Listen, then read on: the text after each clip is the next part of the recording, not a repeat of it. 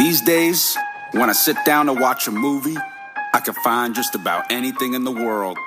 But night after night, there's only one kind of movie I'm always looking for. And that's a short ass movie. A really short movie, like at most an hour 40. Give me that short ass movie. A short ass movie, a really short movie. Cause you know I ain't gonna sit here and watch no long ass movie.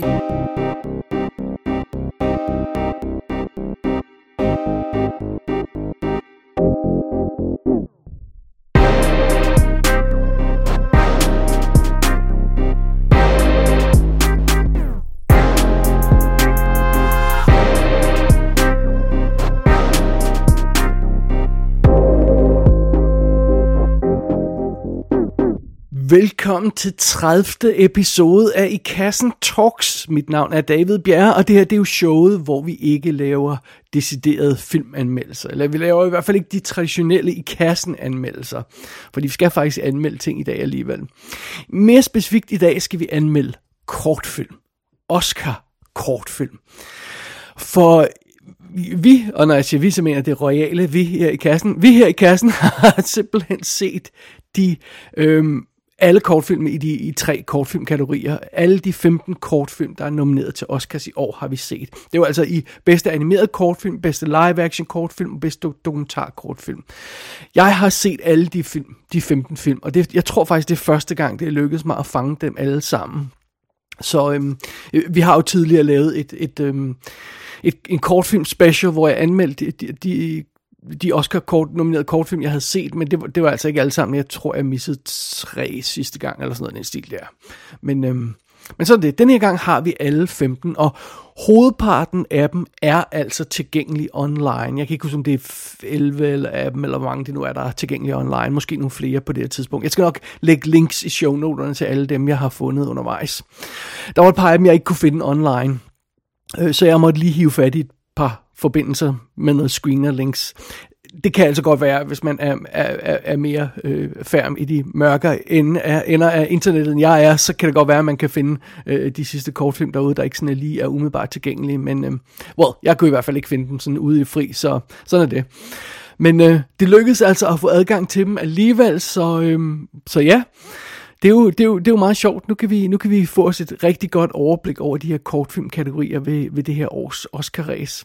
Og sidst vi snakkede om kortfilm, Oscar kortfilm, øh, det var tilbage i, altså sidst jeg lavede en special om det, der var det tilbage i Kassen Talks nummer 9. Der gennemgik jeg omhyggeligt definitionerne på en kortfilm, og hvordan de kvalificerer sig, og hvad det betyder og sådan noget. Det, det, det gider jeg ikke rigtig at gøre igen. Jeg synes, man kan gå tilbage til det show, hvis man mangler overblikket over, øh, øh, hvad reglerne er i den forbindelse. Men bare lige for at tage den hurtige version her. En kortfilm i Oscar-øje med øh, forstås som en film under 40 minutter, og øh, der er jo så forskellige måder, øh, de her film kan blive kvalificeret på. De kan blive vist i biografen, øh, for et betalende publikum, så er man kvalificeret til at deltage i Oscar-ræset, hvis man gør det inden for en bestemt periode. Øh, en kortfilm kan også vinde en pris på nogle bestemte filmfestival, så kan man også blive øh, indstillet sin, til Oscar. Og øh, man kan vinde en Studenter Academy Award, så bliver man også automatisk indstillet til at deltage i, i de her øh, kortfilmkategorier i ræset om dem. Så øhm, ja, men igen, hvis man vil have en mere omfattende forklaring, så gå tilbage til i kassen Talks nummer 9 for at høre den. Alrighty, lad os kaste os over filmene, og øh, jeg tager simpelthen en kategori af gangen, de animerede film, live-action kortfilm og dokumentarfilmene, og jeg har set de fem film inden for hver kategori i den rækkefølge, jeg har haft lyst til. Fordi øh, nogle gange kan det være lidt en kamp at komme igennem nogle af de her film, så det, jeg forsøger sådan at matche øh, de gode og de dårlige op med hinanden, så man ser den lidt på skift. Så jeg har selv valgt min rækkefølge, den måde jeg har set de her film på. Det er ikke alfabetisk, og well, learn to love it. Og en anden bemærkning, også lige den her sammenhæng, jeg kommer ikke med øh, decideret Oscar-snak om deres øh, vinderchancer, de her kortfilm. Nu, nu, nu kigger vi bare på filmene og anmelder dem og snakker om dem og, og sammenligner dem lidt. Men når det gælder decideret Oscar odds og hvem eksperterne tror vil vinde, så tager vi det senere, når vi laver den store Oscar-gennemgang af alle 23 kategorier. Det, det kommer ikke med i den her omgang. Her er det udelukkende min vurdering af kortfilmen inden for hver kategori, vi har fat i. Så, jamen, der er vel ikke andet at gøre end bare at kaste sig over det. Så øhm, klar på start. Vi tager det fra en ende af. Vi starter med de fem animerede kortfilm. Hello. Hello. What are you doing here? I'm lost. Oh dear. Well, that's no good. So, how how did you get here? Well, hello. Hello, who? Hello, cake. What cake? That cake. It looks delicious. Spectacular. I mean, it, it's magnificent. I can't see a cake. It's, it's, it's. Oh. It's a tree. Den første animerede kortfilm, vi har fat i, har den mundrette titel The Boy, The Mole, The Fox and The Horse. Det er en 32 minutter lang film, og den er produceret af, eller finansieret af, eller hvordan den fungerer, af Apple TV og BBC One. Og øhm, ja, og bare lige for at få det, få det på plads, den er instrueret af Peter Bainton og Charlie øh, McAsee tror jeg, man siger. Og øh, derudover så er der stemmer af sådan noget som Tom Hollander og Idris Elba og Gabriel Byrne. Og øh, det, er, det er den længste af, af, af de animerede kortfilm i år her, og øh, historien er åbenbart baseret på en, en, øh, en berømt øh, børnebog af en eller anden slags, så sådan er det, ja. Alright. Og, og historien her i uh, The Boy in the Mole, bla bla bla bla bla, er sådan set meget stille og roligt. Det er sådan en lille poetisk historie om en, en dreng, der er blevet væk hjemmefra. Og han går simpelthen igennem sådan et snedækket landskab for at prøve at finde hjem åbenbart, og, og først møder han en lille muldvarpe, og, som kan tale naturligvis, det kan alle dyrene her. Så møder han en rev, og så møder han en hest.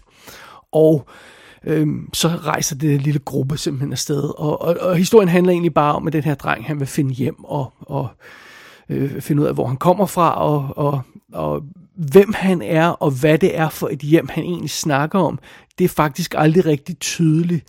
Øh, det, det er som om, han er sådan lidt en, en karikeret karakter, om jeg så må sige. Han, han bliver ikke sådan, vi, vi får heller ikke hans navn for eksempel, så han, det, det, det, er sådan lidt, det er lidt spøjs måde, det er fortalt på. Og, og, og mens han så søger efter det her hjem, hvad det så end er, sammen med de her dyr, så, så, så snakker han med dem om, om livet og om, om ting og sager. Så ja, og igen, det her det er åbenbart baseret på en højt elsket børnebog, og det giver super meget mening, når man ser filmen, fordi det føles også som en børnefilm. Øh, altså, der er ikke det her altså, der er ikke noget avanceret lag i historien, eller sådan noget dybere budskab, og, og, og, og den dialog, som, som drengen her, uh, The Boy, han har med de her dyr, den er sådan sygelig banal.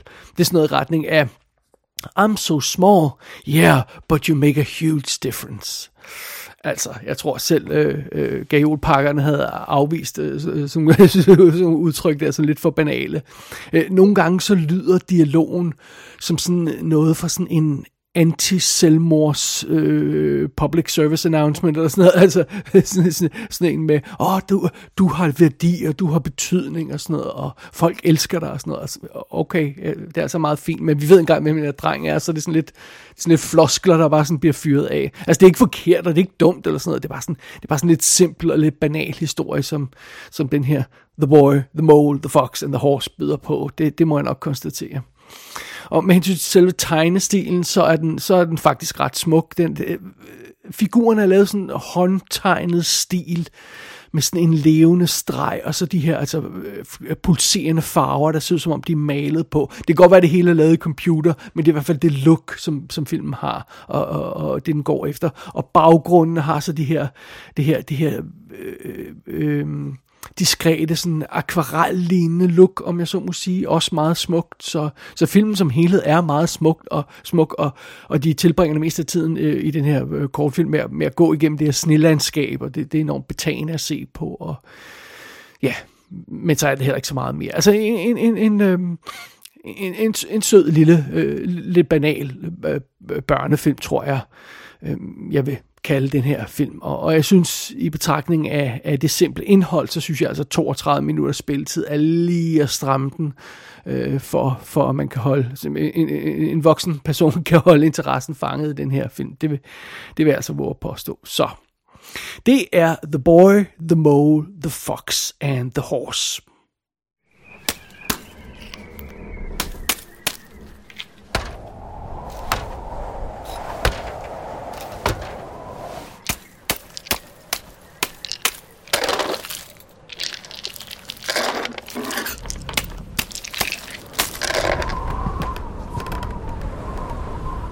Næste animerede kortfilm på programmet hedder Ice Merchants. Og den spiller kun 14 minutter, og der er ingen dialog i den. Filmen kommer åbenbart fra Portugal og er instrueret af Joao Gonzalez, eller sådan noget i den stil der. Ja, hvordan man end siger det. Og historien i Ice Merchants er ganske simpel. Vi følger simpelthen en dreng og hans far, der producerer is. Og vi snakker altså isterning is, altså frosset vand is. Øh, og det, det gør de så, fordi de, de, øh, de bor i et hus, der sådan hænger på en klippevæg, sådan højt oppe på et bjerg øh, i, i øh, under under øh, nulpunktet temperaturer, så det vil sige, at de fryser simpelthen isen det op, og så øh, hakker de den i stykker, og, og så øh, langt, langt nede under bjerget der i, i, er der sådan en landsby, og det er så der, de sælger deres is øh, Øh, og, og øh, der, deres isterninger der, og så øh, hver dag så samler de simpelthen de her isterninger, de har produceret, så springer de ud med en faldskærm og lander i byen, og, og så går de ned der og sælger deres is. Og, og det, det, er sådan, det er sådan set det. Og, og, og det er et meget simpelt øh, setup, den her film kører med, og igen, den er kun 14 minutter lang, så der er ikke så meget at arbejde med. Det er lidt svært at snakke om filmen, uden at afsløre pointen, men, men, men øh, men vi behøver ikke at afsløre alt for meget pointen. Øh, jeg kan, lad mig bare sige det på den her måde. Det bliver tydeligt, hvor den her film vil hen på et tidspunkt, når, når drengen han skal, han skal hente nogle øh, kaffekros til, eller hvad det er, øh, varm kakao, eller hvad de har, øh, når han skal hente et, et kros til ham og sin far, og så åbner han et skab, og så står der tre kros i skabet.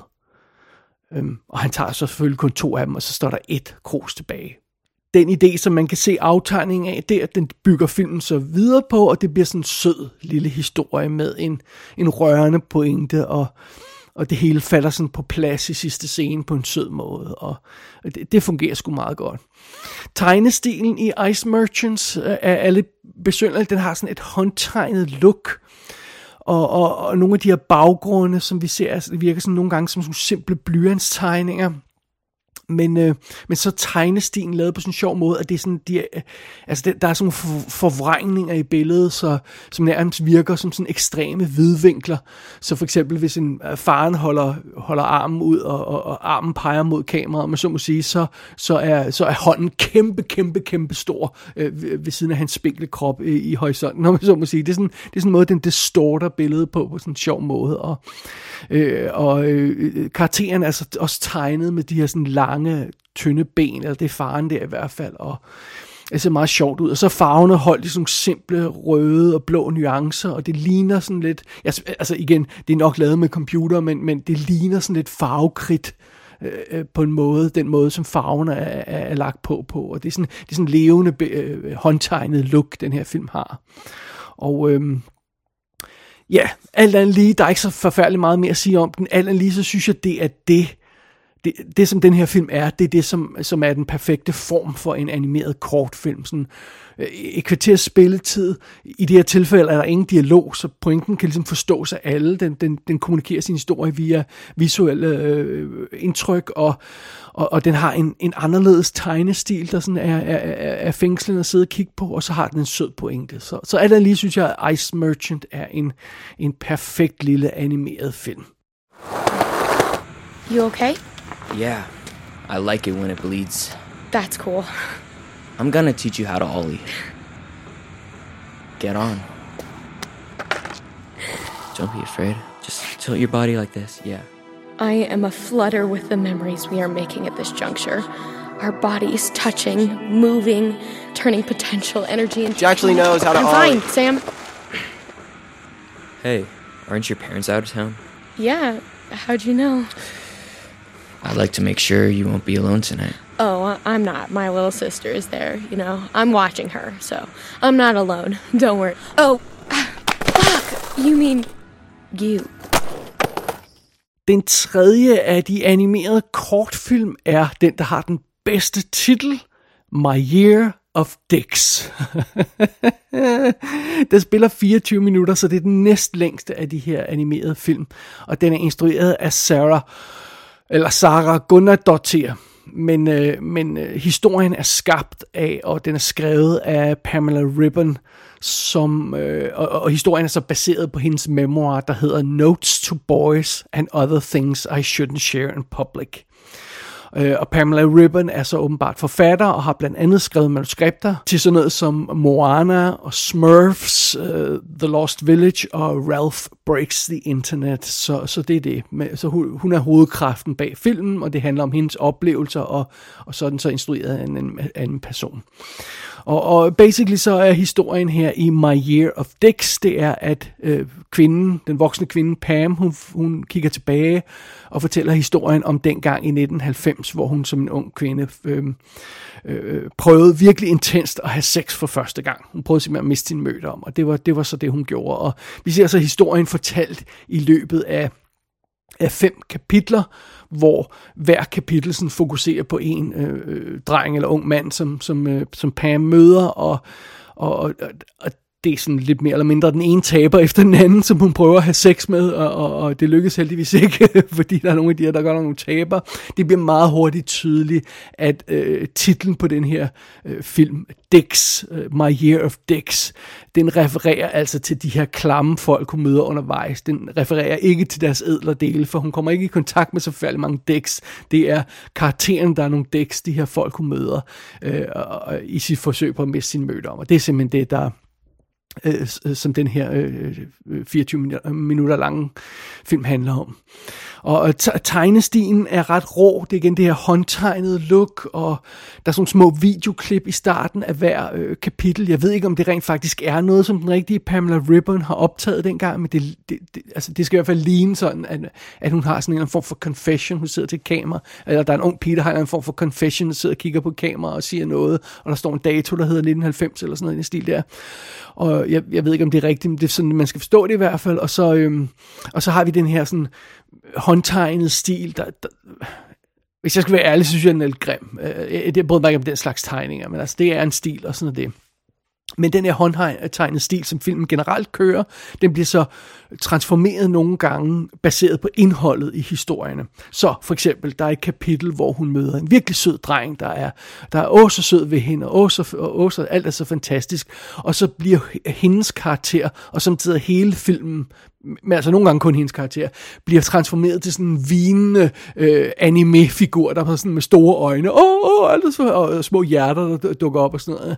Øh, men så vender filmen tilbage til den her alme, almindelige rå, grimme stil, sådan, når vi er ude for, for hendes sådan, sådan headspace, hvor hun åbenbart er vildt forelsket i den her søde fyr. Og der er et andet kapitel, hvor hun prøver at have sex med en fyr, der viser sig at være en, en nazi skinhead junkie.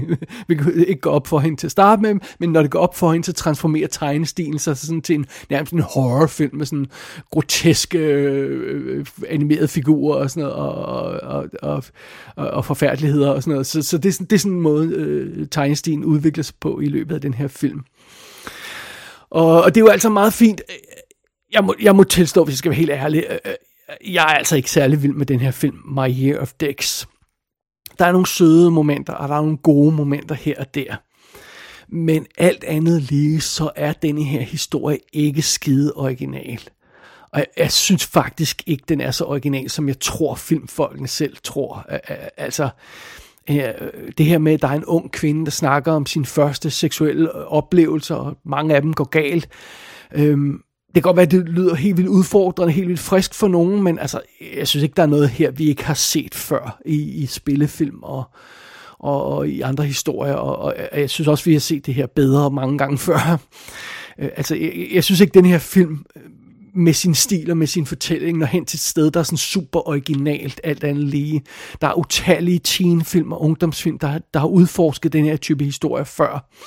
Og, og, og det kan godt være, at man som akademi-animationsmedlem ikke er klar over det, fordi man ikke ser den type teenfilm, men det gør jeg, så jeg har stødt på den her historie mange gange før. Det, det, det er ikke sådan noget ja, det er ikke sådan noget, der er vanvittigt originalt, det her, øh, alt andet lige igen. Og, og selv øh, om vi kun er 24 minutter, øh, i, i det her univers, så, så bliver det ret hurtigt lidt anstrengende. Øh, fordi hele historien synes at være bygget op om den simple idé om, at den her øh, kvinde, Pam, eller som øh, ung kvinde på det tidspunkt, når historien foregår, øh, at, at hendes drømme er forskellige fra den virkelighed, hun møder og, og, og øh, det synes jeg måske ikke, vi behøver 24 minutter til, og, og fem kapitler til at få banket ind i hovedet. Altså det fanger vi ret hurtigt, så, øh, så det er sådan en lille smule øh, frustrerende at se på. Hvis jeg vil se på den her type historie, som den her film vil fortælle, så vil jeg meget hellere se det som live action film. Det må jeg godt nok konstatere. For så kan man også udvikle dramaet lidt mere, i stedet for bare på de her 24 minutter, så kan man have måske halvanden time, og så kan historien få lidt mere vægt og sådan noget. Den er lidt for lallende rundt i de her hurtige små indtryk, som vi har set før, og, og, øh, og det, det fungerer altså ikke fantastisk for mig. Og så må jeg altså også sige, den, den, øh, den grimme animationsstil, som den her film arbejder med, det, det, den, den tænder mig virkelig af. Det, det, det synes jeg ikke er kønt at se på. Det, det er ikke noget, der er rart at se på. Det, måske skal det heller ikke være meningen, det skal være rart, men det er bare, altså det er bare grimt. Det er bare grimt at se på. Om man laver en animationsfilm, så laver den dog sådan til flot ud, eller er interessant, imens der kigge på. Det er det bare grimt. Jeg må nok konstatere, at det bedste ved My Year of Dicks, det er, at den er blevet Oscar-nomineret. og der er en eller anden, der bliver nødt til at stå på Oscar-scenen til den store, Oscar, det store fornem Oscar nej. Der er en eller anden, der bliver nødt til at stå på scenen og sige titlen My Year of Dicks. Og det er fantastisk. Jeg håber altså ikke, de censurerer det, når de sender showet øh, i USA, fordi det kunne godt være, at der er nogen, der går i panik over, at der er en, der står og siger dæk på, på Oscar-scenen. Men, men, øh, men under andet, det er fantastisk, at vi er i den situation, hvor, hvor, hvor den titel optræder i, i Oscar-showet. Vi har jo allerede haft sjov med det i forbindelse med an, uh, nomineringsannonceringerne, hvor, hvor, hvor, hvor folk heller ikke kunne lade være med at grine, da den her titel blev sagt højt. Og det, det er meget sjovt, det, det er meget sødt, og så, så kan vi grine lidt af det, og det, det er jeg bange for, det, det, er, det er det bedste, som den her film bringer til bordet. Så sådan er det. Alright, videre i showet.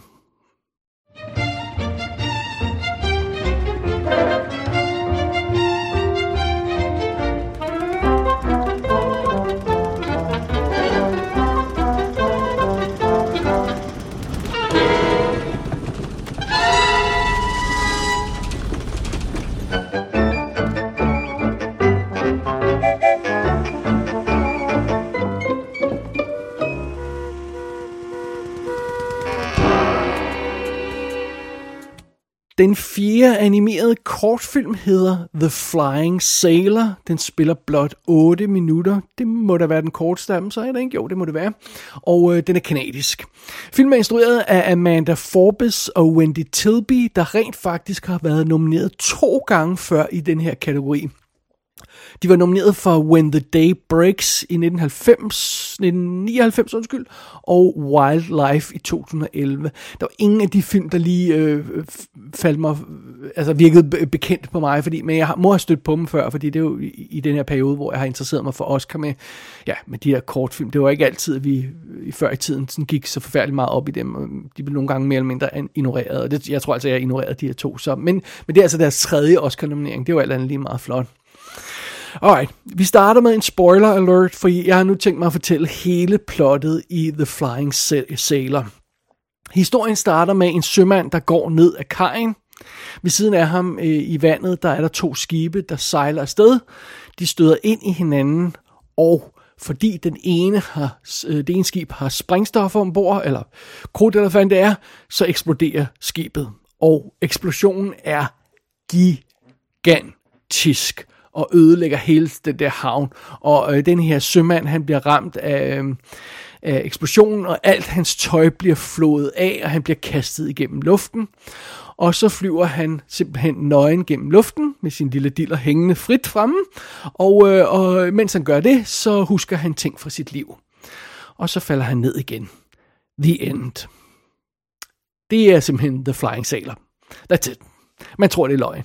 Der er simpelthen ingen historie her.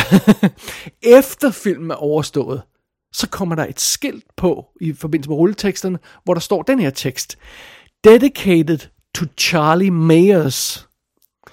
Okay, hvem fanden er det? Det står så nedenunder. A sailor who, in the Halifax explosion of 1917, flew over two kilometers and lived to tell about it. Så det her, det er altså baseret på en sand historie. Det stod der godt nok også tidligere i filmen, men det gav ikke så meget mening på det tidspunkt. Og jeg må, altså, bare lige hurtigt Wikipedia-opslag fortæller os, hvad den der Halifax Explosion i øh, 1917 er. Det er simpelthen noget med, at der er, at der er to skibe, øh, ligesom vi ser i den animerede film her, der er to skibe, der støder sammen i øh, Nova Scotia i Canada, og, øh, og, og øh, der er ganske rigtige øh, eksplosioner, øh, eller sprængstof ombord på det ene skib, og, og der kommer en kæmpe eksplosion. Først støder de to skib sammen, så går der ild i dem, og så går der ild i sprængstoffet, og så eksploderer det. Så det er sådan noget med, at, at alle mulige folk kommer til den her havn for at stå og kigge på de her to brændende skibe. Så når det her skib eksploderer, så udrydder det altså øh, i øh, de, de, på Wikipedia stod der 800 meters. I en 800 meters radio bliver alle bygninger jævnet med jorden. Og jeg tror, det er sådan noget retning af 1500 mennesker, der er blevet slået ihjel, nærmest øjeblikkeligt. Og, øh, og den her sailor er så åbenbart en, der overlevede og, og live to tell about it. Og det lyder som en helt vildt spændende historie, der ligger til grund for den her lille korte animerede film. Men det, altså, det er jo ikke noget, man lærer noget om ved at se filmen. Altså, der er bare en, en, en, en nøgen sømand, der floater gennem luften, og så ser noget fra sin barndom. Øh, altså, øh, og, og selve tegnestilen i den her film er sådan en grim blanding af håndtegnede, øh, håndmalede ting og animation, og så nogle gange så ligner det stop motion med de her to skibe ude i, ude i havnen. Det kan godt være, det er bare computeranimeret igen, og så er der lidt rigtige filmklip blandet ind i historien også her og der. Og men der er intet, der, der refererer til noget som helst. Man, altså, altså, hvis ikke der stod den tekst til sidste, sidste film, ville jeg ikke hvad, ane, hvad det her handlede om overhovedet på noget plan. Øh, og og det, så, så er pointen jo gået lidt tabt. Altså, så har man jo ikke æret den her person, der overlevede. Og, altså, katastrofen lyder spændende. Lav en film om det. Lad være med at lave en, en film om den her øh, sailor, der, der, der floater rundt i luften og falder ned igen. Altså, det virker bare åndssvagt. Altså, det her, det er uden konkurrence den dårligste og mest ufortjente nominering blandt de her animerede kortfilm. Øh, altså igen, der er nærmest ikke noget plot, og, og den er grim, og filmen er irriterende, og så kommer pointen først til sidst, når det hele er overstået. Ej, det, det er simpelthen for dumt. Så øh, øh, totalt episk no-go på The Flying Sailor herfra. Øh, undgå for enhver pris. These are very uncomfortable chairs. I mean, really bad. You sit on these all day? Wow. It's just a dream. It's it's not it's not real. It's just just a dream. Well, not quite a dream, but I'll tell you what. It is a lie. Well, what does that mean? You're living in a lie. Oh, yeah, yes. I um, I, sh- I shouldn't have lied about my sales. I just I I'm not not very good at selling. No, no, stuff. not that. This everything. It's a sham. A sham. A sham. Yes. Den femte og sidste af de animerede kortfilm er den, der har, hvis, hvis My Year of Dicks har den bedste titel, så er det her den, der har den næstbedste titel. det er den, der hedder An Ostrich Told Me the World is Fake, and I Think I Believe It. Den er kun 11 minutter lang, og den er fra øh, Australien, og den er, den er instrueret og animeret af Lachlan øh, Pendragon, Pendragon, eller hvad man nu siger det. Og øh, historien her er, er, er, har et simpelt udgangspunkt, alt eller lige. Vi følger telefonsælgeren Neil, øh, der i bedste Neo fra Matrix-stil øh, bemærker, at der, øh, der, der er nogle mystiske ting ved hans verden. Der er nogle ting, der ikke helt giver mening, der er nogle ting, der ser underlige ud, og for eksempel sådan noget som er udsigten fra hans kontor, hvor han arbejder i, glimter nogle gange og afslører, at der i virkeligheden er en green screen. Meget mystisk. Og på et tidspunkt, når han står og snakker med sin chef, så mister chefen sin mund et øjeblik. Altså, virkelig, virkelig bizart. Fidusen er selvfølgelig, vi som publikum ved allerede godt, hvad der er galt. Vi ved nemlig, at Neil han er en stop-motion animeret figur i en lille stop-motion animeret film. Og det er det, han nu selv er ved at opdage. og, og, og, og hvad gør han så ved det? Altså, hvordan, hvordan kan han kæmpe mod den situation, kæmpe mod den skæbne? Hvordan kan man som en animeret figur kæmpe mod sin skæbne, når alt, hvad man gør, er dikteret af en anden person, der bevæger en? Well, det er jo så det der spørgsmål det er et vildt sjovt setup, den her film arbejder med. Øh, og, og den, An Ostrich, som man bare tror, vi kalder den kort, An Ostrich starter med at vise os en, et animationssetup, hvor vi simpelthen ser det her kontor, som Neil arbejder i, og det er altså en kontorkulisse med en masse små borer, en masse figurer, og så har vi den her green screen bagved, øh, så, så, sådan så baggrunden ude foran vinduerne i kontoret kan sættes ind bagefter. Og, øh, og, så, øh, og så ser vi simpelthen de små karakterer, selvom vi, vi ser et stort billede, hvor vi kan se kameraet placeret, vi kan se lysene, vi kan se hele kulissen og sådan noget, så bevæger de små figurer sig allerede rundt, som om de er levende. Og vi ser de her timelapse glimt af animat- animatoren, der er i gang med at animere dem, som sådan kommer ind som de her flashes, fordi han, ja, når man laver stop motion animering, så tager man så et billede ad gangen, og, og, og øh, ofte så vil personen ikke være i billedet, jo, men han vil stå ude for billedet, så vi ser bare, vi ser bare den animator sådan flashe rundt i baggrunden, og så kører kameraet simpelthen ind på den her animationssetup, men øh, vi kører ikke ind på selve animationen, vi kører ind på den monitor, der viser animationen for animatoren. Og hovedparten af filmen udspiller sig, mens vi kigger på monitoren, som animatoren arbejder med. Så det vil sige, vi har altså en, en, en billede, som han, animatoren ser på, hvor baggrunden er sat ind bag det her green screen, så vi kan se den rigtige baggrund, og så ser vi karaktererne bevæge sig på den her monitor, øh, og, så, øh, og så er der en tæller i billedet, og der er sådan en frame guide rundt om i kanten af billedet, og, og, og uden for hvor, altså i kanten af vores billede, det vi ser i filmen, øh, som er på, øh, på, øh, uden for monitoren, der kan vi sådan se animatoren bevæge sig rundt og arbejde i baggrunden mens vi ser den film, han animerer på monitoren. Øh, så vi ser, altså, vi, vi ser den øh, ikke sådan direkte, den her animerede film, vi ser den gennem det, øh, den monitor, som animatoren arbejder med. Så vi har altså en historie om en karakter, der opdager, at han er en stop-motion animeret karakter, der udspiller sig i en visuel form, der 100% bekræfter det fra start, at ja, han har ret. Det er en, anim- vi ser en stop motion. Den her stop motion animeret film er, er, øh, vi ser, er, er, er en stop motion øh, animeret film, der er ved at blive produceret.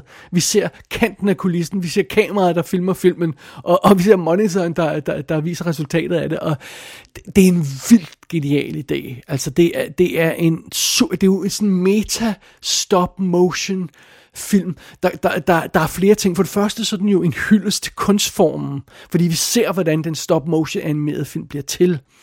Øh, og for det andet, så er det en ekstremt foruroligende historie. Øh, referencen til, til Matrix var ikke forkert, fordi det er det her med, at Neil han opdager, at der er noget galt. Altså han opdager det med hans chef, der taber munden. Om Grunden til, at chefen taber munden, det er det her øh, som man laver med stop motion animerede figurer nu om dagen, at, at mundbevægelserne i en figur er lavet ved replacement animation, så man fjerner simpelthen munden. Øh, munden har en vis form i figuren, så kan man fjerne den og sætte andre munde ind, og så efterhånden, som man tager billeder, så ser det ud som om munden taler.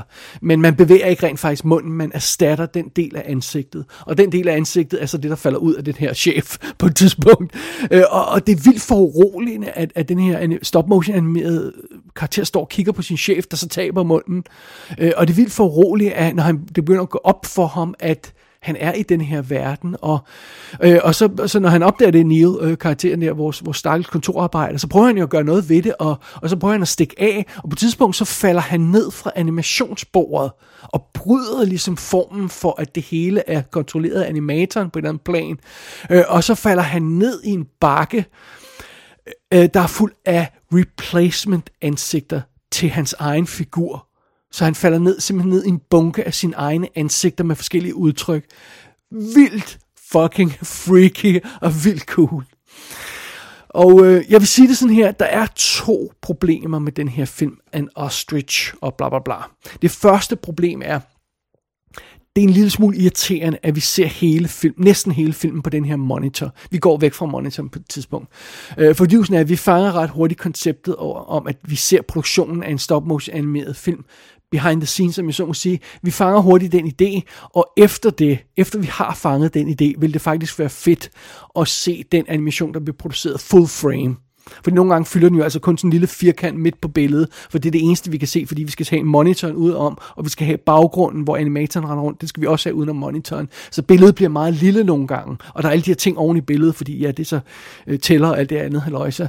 Øh, så vi kommer lidt for langt væk fra karakteren nogle gange, og jeg bemærkede for eksempel, at traileren til den her film benytter sig af de klip, som der er ind i monitoren. Så det vil sige, der ser vi ikke det her om, omrids udenom med, med monitoren og sådan noget. Der ser vi det billede, der reelt er på monitoren. Det har de brugt i traileren. Muligt for ikke at afsløre noget, men også fordi så kan man se det lidt bedre. Så, så det er en lille smule irriterende, at der er så meget film, der foregår på den her monitor. Det vil jeg godt nok våge at påstå.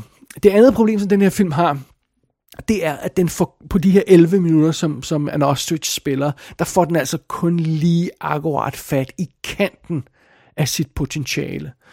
Altså, der er en virkelig genial idé bygget ind i den her historie, og øh, den her film kunne sagtens bygges ud til noget større. Øh, det kunne sagtens være en spillefilm. Altså, det kunne være, det kunne være helt vildt genialt. Der kunne udbygges en større univers, hvor stop-motion animerede figurer bliver bevidste om, hvor de kommer fra og sådan noget, og forsøger at kæmpe mod det.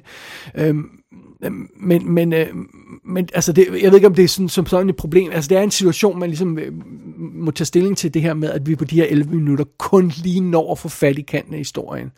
Så sådan er det. Øh, og, og med de her problemer, eller måske de her forbehold i mente, så, så vil jeg stadigvæk konstatere, at øh, den her film, og nu skal jeg lige fat i titlen igen, An Ostrich Told Me The World Is Fake, and I Think I Believe It. Det er den fulde titel. Den her film er awesome alt andet lige med de her forbehold. Og det er uden konkurrence den bedste af de her animerede film, der er, der er Oscar nomineret i år. Øh, altså, øh, de, den, er, den er lysår foran alle de andre konkurrenter. Der, der, der er slet, altså, de, er slet, de er slet ikke i nærheden af, af den genialitet. Så øhm, sådan er det. Så med andre ord, lige meget om den her film vinder eller ej, og hvad man ellers synes om det hele, så øh, skal man prøve at, at fange den her film og se den. Det er, det, det er en varm anbefaling, som den her film får med på, øh, på, på vejen af mig her. Det er det altså. Det, det var, øh, og, øh, øh altså igen, jeg, jeg har set de her film, eller anmeldt de her film nu her i den rækkefølge, jeg har set dem i, så, og jeg, jeg håbede, det her ville være den bedste, og jeg gemte den til sidst, og det var også den bedste. Det var en god beslutning. Det var godt at slutte af på det, øh, efter de her øh, knap så imponerende film. Så, så sådan det. Hey, uh, th- this is gonna sound weird. Um, I think we're living in an artificial universe. What was that? An ostrich told me the world is fake, and I think I believe it. An ostrich? Yeah. And, and then I, fe- I fell through a door over there, and I landed in a tray of my own faces. Uh, it's probably easier if you come see for yourself. Som jeg hintede til lige før breaket, jeg er ikke super imponeret over filmene i, uh, i år her, det må jeg indrømme. The Boy, The Mole, The Fox and the Horse, Ice Merchants, My Year of Dicks, The Flying Sailor og An Ostrich Told Me The World Is Fake, and I Think I Believe It. De fem animerede, uh, nominerede kortfilm i år her. Um, jeg forstår slet ikke, at The Flying Sailor er blevet nomineret. Den er trash. Uh, the Boy, The Mole, The Fox and the Horse, den er sød, men det er ikke Oscar-materiale. Det er bare en børnefilm.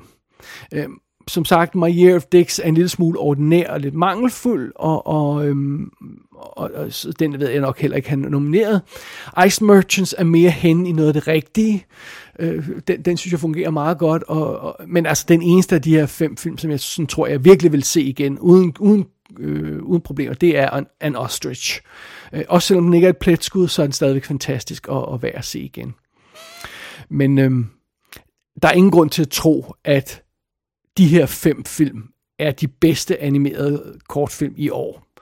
Øh, altså, øh, der er fundamentale problemer med, hvordan de her øh, kortfilm bliver udvalgt til Oscar-nominering. Det er der altså. Selv hvis man tager, tager med og kigger på de 10, der røg i, i shortlisting, altså kigger på de 15 øhm, animerede kortfilm, der blev shortlistet. Hvad jeg har set af dem i hvert fald, var der heller ikke nogen af dem, der virkede som om, de ville være geniale. Øhm, så, men det er sådan lidt en anden historie, øh, hvordan man udvælger de her film, og hvordan man bør udvikle, udvælge de her film, og man overhovedet stadig bør, bør hive de her kortfilm med i, i Oscar-ræset. Det er en anden historie øh, under omstændigheder. Nu er de her, og nu ser vi dem, og sådan er det. Og, og så kan vi diskutere senere, om, om, om, om, om der bør ændres noget ved, ved formen her. Sådan er det. Okay. Nok snak om de animerede kortfilm. Lad os gå videre til live action kortfilmene. God.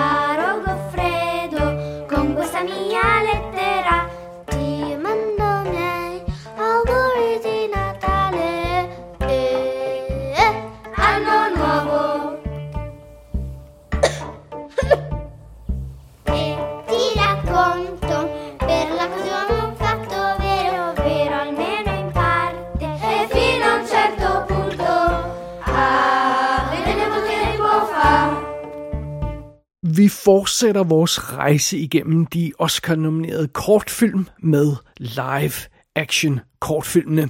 Og her starter vi med den længste af dem, La Pupille, som, øh, som er italiensk og øh, Disney Plus produceret simpelthen, og instruktøren hedder Alex, nej, Alice Rovacher, eller sådan noget den stil der. Hun har også skrevet manuskriptet til filmen, og øh, så er det hendes søster Alba, der spiller hovedrollen, og så er filmen produceret af Alfonso Cuarón. Så der er sådan, altså, Alfonso Cuarón og Disney Plus og sådan noget, det, det må nærmest være den højeste pro- profil øh, film blandt de her. Den, den er simpelthen på, La Pupille er simpelthen på Disney Plus og kan ses der, så, så det er jo fint nok. Øh, historien er ganske simpel i La Pupille, som jo betyder eleverne, og øh, vi følger simpelthen en række piger på en katolsk øh, kostskole, pige kostskole naturligvis. Vi er i, i krigstiden, 2. verdenskrig går jeg ud fra, selvom der aldrig rigtig kommer noget årstal på eller noget som helst. og, så, øh, så, og det er selvfølgelig en, altså det er jo selvfølgelig en kostskole, og det, det er børn, der ikke er sådan super, øh, altså der er sådan efterladt der en lille smule, og der er ikke så mange penge, der er ikke så mange ressourcer på den her skole, så det er sådan et hårdt tilværelse. Oven i købet, så er det ved at være juletid. Så det og øh, ja, vi følger simpelthen de her nonner, der underviser pigerne og forsøger at holde dem øh, fromme, fromme og rene og alt sådan noget der. Og, og, og de, de snakker altid om synd og, og den slags, de her, de her nonner. Og alt sådan noget der med sang og dans og glæde, det er simpelthen det værste, man kan komme ud for. Og, og øh, på et tidspunkt, da, da pigerne for eksempel øh, synger sådan med på en, en, en sang, der kører i radioen, som de lige tilfældigvis falder over. Øh, det, det er naturligvis en fejl, at de hører musik, men da, da de så kommer til at høre det der musik, øh, pigerne der, øh, og kommer til at synge med og danse lidt rundt, jamen så kommer nonnerne naturligvis og skal vaske deres mund med sæbe, i, ikke i overført betydning, nej, så, så det er det. Og en af dem, de her piger, der er på den her lille katolske øh, kostskole, det er øh, Sarafina, som er sådan lidt ude for gruppen. Og de, de er ret unge, de her piger, altså øh, måske helt ned til 7-8 år, nogle af dem, eller øh, 9 år måske, eller sådan noget. De, de, de er i hvert fald meget unge, og hun, hun er sådan den lidt, lidt ude for gruppen, og hun er lidt stille, og, og nonnerne går og siger, at hun er, hun er wicked. og, og, og, og så er Sarafina også sådan en, en lille ballademager, ikke sådan med vilje, mere sådan nærmest en fejl hele tiden, og og sådan er det. Og efter sådan at have etableret den her situation med skolen og de her piger og nonnerne og undervisning og, og, og den lille Wicked Serafina, så øh, når filmen frem til sit mini-plot. Og det er simpelthen øh, øh, i form af, at der er en velhavende kvinde, der donerer en overdådig kage til skolen. Øhm, øh, det er jo simpelthen ideen, at, at der, øh, skolen får donationer fra, fra folk, der så skal have, at de her små fromme piger beder for dem, og, og den her velhavende dame, hun, hun, øhm, hun, hun giver dem simpelthen en kæmpe, kæmpe kage, og en meget fornem kage, og den, den kage bliver ligesom målet for et lille oprør, øh, som, som øh, Serafina hun står for. og og det, det, er så det, om, det er så det, som, som, som den her lille kortfilm drejer sig om. Og det, det er sådan basically it. Alt andet lige. Og øh, det er en, en sød lille film, der har sådan meget klassisk look, La Pupille. Den, øh, den er skudt på øh, 35 meter film, og hvis der også 8 meter film, læser jeg i stedet. Den, den ligner, at den godt kunne være skudt sådan i 30'erne, eller øh, undskyld, 50'erne eller 70'erne, eller sådan noget. Den har sådan den der vibe, og sådan varmt look, levende filmisk look, og, og øh, så har den nogle små finurlige ting, den her film. Øh, altså sådan noget som for eksempel, at øh, credits og titelskiltet og sådan noget står skrevet på nogle papirer og bliver læst op af pigerne. Øh, instruktørens navn og titlen på filmen og sådan noget, bliver læst op af pigerne, som om de sådan var i skolen og skulle, at en læseprøve eller sådan noget, og det er meget sødt. Øh, der er også nogle lidt anstrengende ting i filmen, øh, når pigerne de, de, de, de synger en, en sang om det her brev, som den her film åbenbart er, er baseret på, så så tænker jeg, ja, okay, det, det, det er måske lige lovligt sødt og, og, og, og, og sådan noget. Lad os komme videre i plottet her. Men øhm, fidusen med den her film, La Pupille, det er, at, at det, det, det er ikke en optimal historie for en kortfilm. Øhm, den centrale idé, som den her film ender med at handle om, den vil være mere passende til en 20 minutters øh, kortfilm, synes jeg. Øh, altså sådan virkelig kort, øh, øh ja, bare 20 minutter. Den her er 37 minutter. Men det er ligesom om det univers, som filmen rent faktisk bygger op i løbet af de her 37 minutter, det kunne nemt fylde en spillefilm. Og det virker som om, det, det er, øh, der er plads til, til at gøre mere med alt det her, der bliver sat op. Så, så jeg føler lidt, at den her film, den er sådan fanget mellem de her to formater. Den er lidt for underudviklet til at være en spillefilm, og der er lidt for meget fyldt til, at den er, øh, til at den er en tilfredsstillende kortfilm. Så øhm, altså, hvis det havde været en spillefilm det her, så havde vi jo lært de her piger på den her kostskole bedre at kende. De, de bliver aldrig rigtig fuldblods karakterer. Øh, ikke engang hende er Sarafina. Øhm, øhm, også fordi det virker som om, jeg ved ikke om det er professionelle skuespillere, det er amatørskuespillere, men de, de spiller ikke rigtig sådan som sådan, og de, de bliver sådan små karikerede figurer, de her piger, man kommer ikke rigtig sådan ind på livet af dem, de, kom, de bliver ikke sådan rigtig levende, de her figurer, selvom de er søde, altså. Og, øhm, og, og der, der er noget... Øhm, der er noget vægt i dramaet, det er der bestemt, og der, og der kommer også nogle gode ting frem undervejs. Øh, men ligesom om, at at, ja, igen det her med, at det, det er sådan halvskjult bag den her film forsøg på at være sådan ekstra øh, sød og uskyldig og finurlig og sådan noget, så, så dramaet får ikke rigtig lov til at komme frem til overfladen, og, og så er kan dramaet heller ikke rigtig blive ordentligt udviklet øh, på grund af det her utilstrækkelige kortfilmformat. Så Øhm, altså, jeg synes, La Pupille ender med at være en meget sød lille film, men, øhm, men jeg synes altså, at øhm, øh, den pointe og den punchline, den ender med at levere, altså, det er meget let for, for en 40 minutters lang øh, spilletid. Og, og når man har alt det her udstyr kørt, øh, sat, i, øh, sat i værk, og alt det her kørt i stilling, så skulle man næsten have lavet en spillefilm og, og fået en rigtig øh, ordentlig øh, fyldig historie ud af det. Well, det er i hvert fald sådan, jeg har det med La Pupille. You boys know where I am. If there's anything you need, you just let me know. You can tell your mate Jesus he's a right dickhead. Lorgan. No, it's fine, Turlock. He can be a bit of a dickhead sometimes. Oh, I almost forgot. The coroner was rummaging around in your mother's jeans. After she passed, of course. I think it's a list of things that she wanted to do, you know, before the illness took her. Don't suppose it's of much use to her now. Unless Jesus is for bringing her back from the dead, Father, I'd say it's of little to no use at all. Næste film på listen over live-action kortfilm er An Irish Goodbye. Den spiller 23 minutter, og den er irsk. Den er skrevet og instrueret af et team, der hedder Tom øh, Berkeley og Ross White. Og øh, der er muligvis nogle kræfter i, i den her film, man vil kende. Øh, der er, der er en, øh, karakter, der leverer stemme Øh, øh, på et tidspunkt, eller der, vi hører kun hendes stemme, det er, det er moren i filmen, og øh, den her stemme bliver altså leveret af Michelle Fairley, og det er hende, der spillede Caitlin Stark i Game of Thrones tv-serien. Hun er også med i Gangs of London tv-serien, så, så øh, jeg, jeg synes ikke, jeg kunne genkende stemmen, men det er altså trods alt øh, hendes navn, der står i credits og sådan noget, så det er fint nok. Og øh, setupet for den her film, An Irish Goodbye, er igen super simpelt. Øh, vi har de to irske brødre, øh, Turlock og Lorcan, de har mistet deres mor, og øh, vi fanger dem simpelthen, når, når de nu allerede er på vej hjem med hendes jordiske rester i urne.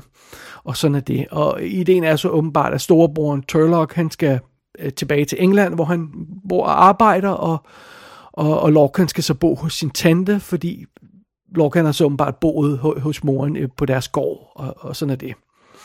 Øhm, men, men Lorcan øh, forstår ikke helt, hvorfor deres gård skal sælges, og, og hvorfor han ikke bare kan blive boende der. Han forstår ikke helt, hvorfor broren ikke flytter ind og kører gården videre, nu når moren er død og sådan noget. Så det er ligesom øh, udgangspunktet øh, for det her. Og... Øh, og, og, og fidusen er, at øh, vi har den her øh, øh storebror øh, Turlock, der bliver spillet af Seamus O'Hara, øh, som, som er, som er en, en, en, en, en lidt anstrengt øh, fyr, for, fordi han kan ikke rigtig holde ud og, og tilbringe alt for meget tid sammen med lillebroren der. Og så har vi altså lillebroren Lorcan, spillet af James Martin, og han har så åbenbart Down-syndrom, tror jeg. Han er, er i hvert fald udviklingshemmet på en eller anden måde. Han ligner, at han har Down-syndrom. Og det er selvfølgelig også derfor, han ikke kan bo. Altså, han, der er nogen, der skal passe på ham, og, og, og det er derfor, han ikke kan blive boende på den her gård alene og sådan noget. Så, så det, det er sådan omdrejningspunktet om den her historie. Og og, øh, og, og så det med, at han ikke forstår, hvorfor broren ikke vil, vil, vil fortsætte familiegården der. Og, og så fidusen, en af de ting, som moren så har efterladt til sine, sine to sønner der, det er en liste over ting, som hun vil gøre, inden hun døde, fordi øhm, hun var klar over, at hun var, ved at, øh, øh hun var syg og var død nær, og så var der nogle ting, hun gerne ville gøre inden. Og den liste over ting, som moren gerne vil gøre, det, øh, det bliver så den liste, der ligesom får, får de her brødre til at finde hinanden lidt igen, og fordi de så beslutter sig for at prøve at gøre nogle af de ting på listen, og, og sådan er det. Og jeg må om, An Irish Goodbye, det er en virkelig vidunderlig lille film. Det er, det er min, min favorit af de her kortfilm. Det kan jeg godt sige allerede på nuværende tidspunkt. For det første er den, øh, er den virkelig sjov. Og når man hører sådan ideen om det her med, at åh, en mor, der er død, og, og to brødre, og, og en af dem er udviklingshemmet, og sådan noget, så tænker man, kæft, det må være en tung og deprimerende lille sag. Not so. Det her, det er en sprudlende lille film, og de her to karakterer i centrum af historien er nuser, og deres samspil er perfekt, og, og, øh, og det er fedt at se den her karakter, øh, øh Lorcan, som, som er udviklingshemmet, der bliver behandlet med den respekt, han gør, og også af filmens manuskript, fordi øh, øh Lorcan han kan godt være, han, han selv underlig ud og snakker lidt underligt, men han har altså ikke tabt bag en vogn. han har nogle moves, den her øh, øh, unge mand her, og det, det er vildt sjovt. Og, og det er vildt sjovt at se den, den anstrengte ældre bror øh, blive konfronteret med den her lidt, lidt snu lillebror, og, og det, det, det fungerer skide godt. Og 23 minutter er en perfekt spilletid for den her type historie. Og der, der, der, der er tre karakterer med i filmen. Der er en præst, og så er de to brødre, og så er der moren, vi hører hører stemmen af, og, og, og, og så har filmen en simpel pointe, og, og, og det, det er lige som det skal være. Hermed ikke sagt, at An Irish Goodbye ikke kunne laves til en spillefilm. Det vil jeg faktisk våge at påstå, at den godt kunne. Øhm, men, øh, men man har altså valgt en kortfilm i stedet for, og det fungerer også øh, øh perfekt. Og øh, det er meget sjovt, at denne her kortfilm, An Irish Goodbye, den kommer samme år som The Banshees of Inisherin, fordi øh, de to historier, de to film deler sådan noget DNA, men, men, men stemningerne i de to film, de er altså helt forskellige. Den, den, er, den er meget, meget mere charmerende og sjov og let, den her film, An Irish Goodbye.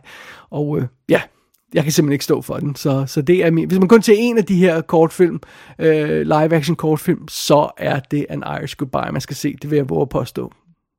атуангилутит суминнерлутит налорраппаарпа хоонинги пулаартуссааво канааллисуулернissars эққаамассаварси хоонинги оқаллисигиваа канааллисуулерникууваа хоонингэ чигиппат канааллисуссақангилага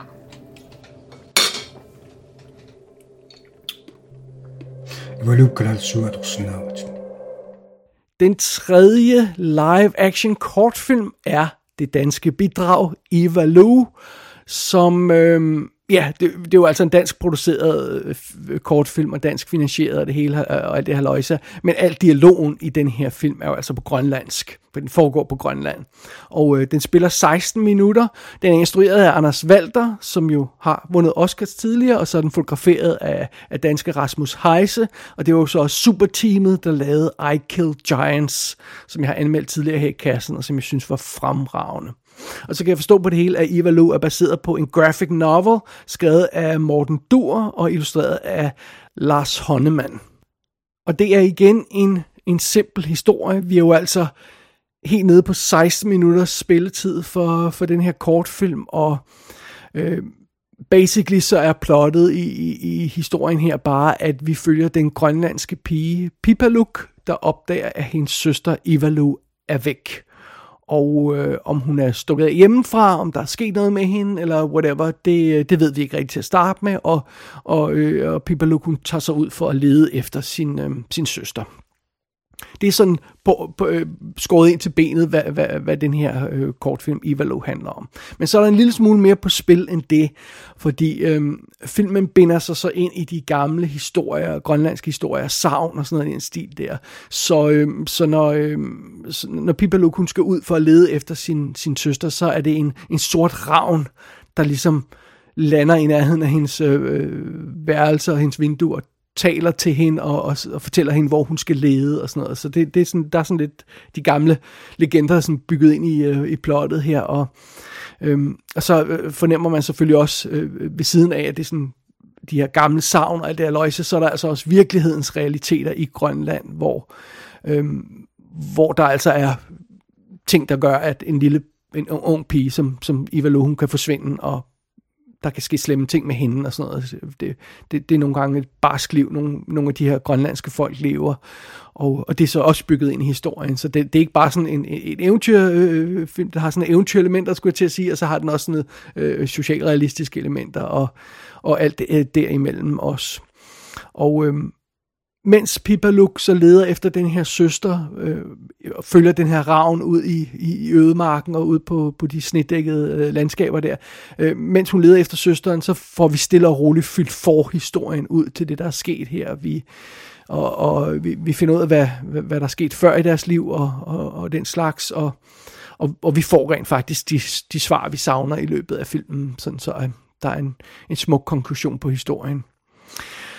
Og Øh, jeg kan lige så godt indrømme det fra start. Den her øh, form, som den her film har valgt, det er ikke min favoritmåde at, at lave film på. Øh, øh, det, det er nærmest ikke en konventionel film, i Valo, fordi øh, den har nærmest ingen almindelige scener, hvor folk bare sidder og snakker sammen. Altså det, det, det, er, det, det er tæt på det, jeg vil kalde et, et billeddigt. Øh, og, og grundet den korte spilletid, så er der jo heller ikke plads til særlig mange lange samtalescener.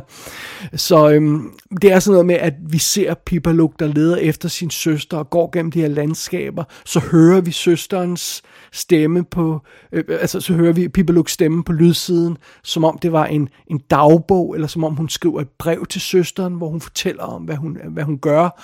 Øh, og så ser vi flashbacks til tidligere øh, Øh, oplevelser, som de to havde sammen, øh, og, og, og deres familiesituation og det hele og sådan noget. Og, og, og, og det hele, alle de her indtryk og sådan noget, de, de, de blander sig sådan ind i hinanden på sådan en, en drømmeagtig måde. Øh, øh, der, der gør, at man, at man sådan aldrig rigtig er i nuet, om jeg så må sige. Det er sådan, helt, det er sådan en collage af indtryk og sådan noget. Og, og det, det er ikke en stil, jeg foretrækker i en film. Det, det kan jeg altså godt indrømme blankt. Og øh, en anden ting, jeg heller ikke forstår ved Eva det er, hvorfor man har valgt den her form. Fordi, altså, igen, hvis jeg forstår det rigtigt, så er det en graphic novel, en 128 siders graphic novel, der ligger til grund for den her øh, 16 minutter lange film. Så man skulle næsten tro, der kunne være lavet noget større, baseret på den graphic novel der. Øh, en, en, en, en så kort, kort film er lidt spøjst en lidt spøjs form at fortælle den her historie i.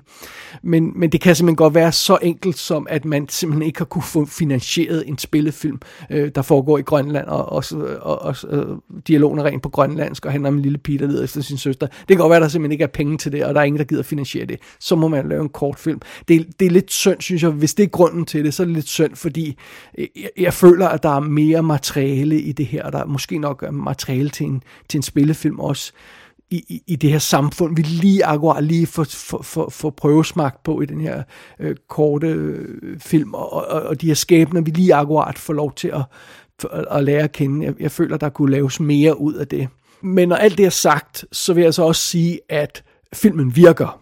Altså det kan godt være, at jeg ikke bryder mig specielt meget om den stil, den er lavet i, men den virker. Altså den gør det, den skal, og, og, og, og, og den, stemningerne virker, som de skal, og, og scenerne virker, som de skal, og vi får de her indtryk, vi får det her sådan billeddæk, der sådan langsomt konstruerer historien for os, og, og, øh, og specielt når man finder ud af, hvad det er, der er sket med Evalu, og hvad, hvad, hvad hele ideen er omkring den her situation, øh, øh så, så virker filmen virkelig. Og det, det, det er en barsk lille sag, og, og det er også en stemningsfuld lille sag. Altså, der er, den er fuld af de her flotte naturbilleder af Grønland. Altså, selvfølgelig er den fuld af flotte billeder. Det er jo Rasmus Heise, der har skudt den. Ham kan vi godt lide. Og, øh, og, og, og, og, og det, det, der vil jeg også understrege, at der, altså, der er en klokkeklar pointe inden for den her ramme af den her 16 minutter lange film, så, så, øh, så det er ikke fordi, at, at den er for kort på den måde.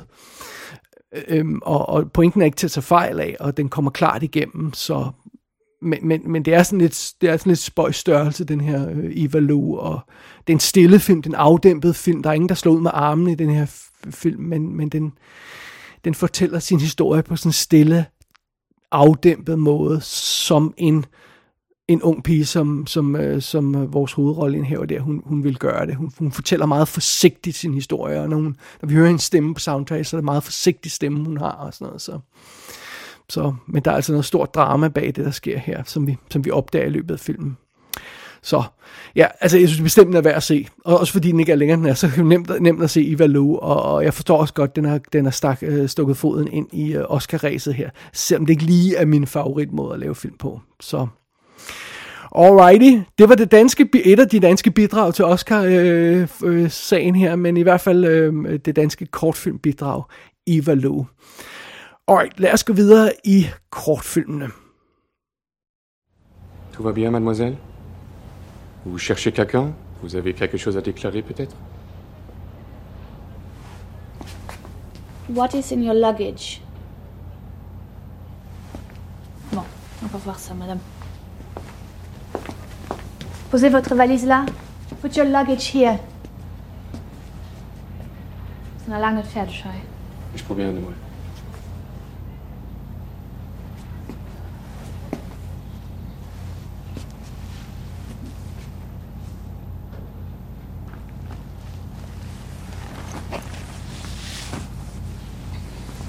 Pass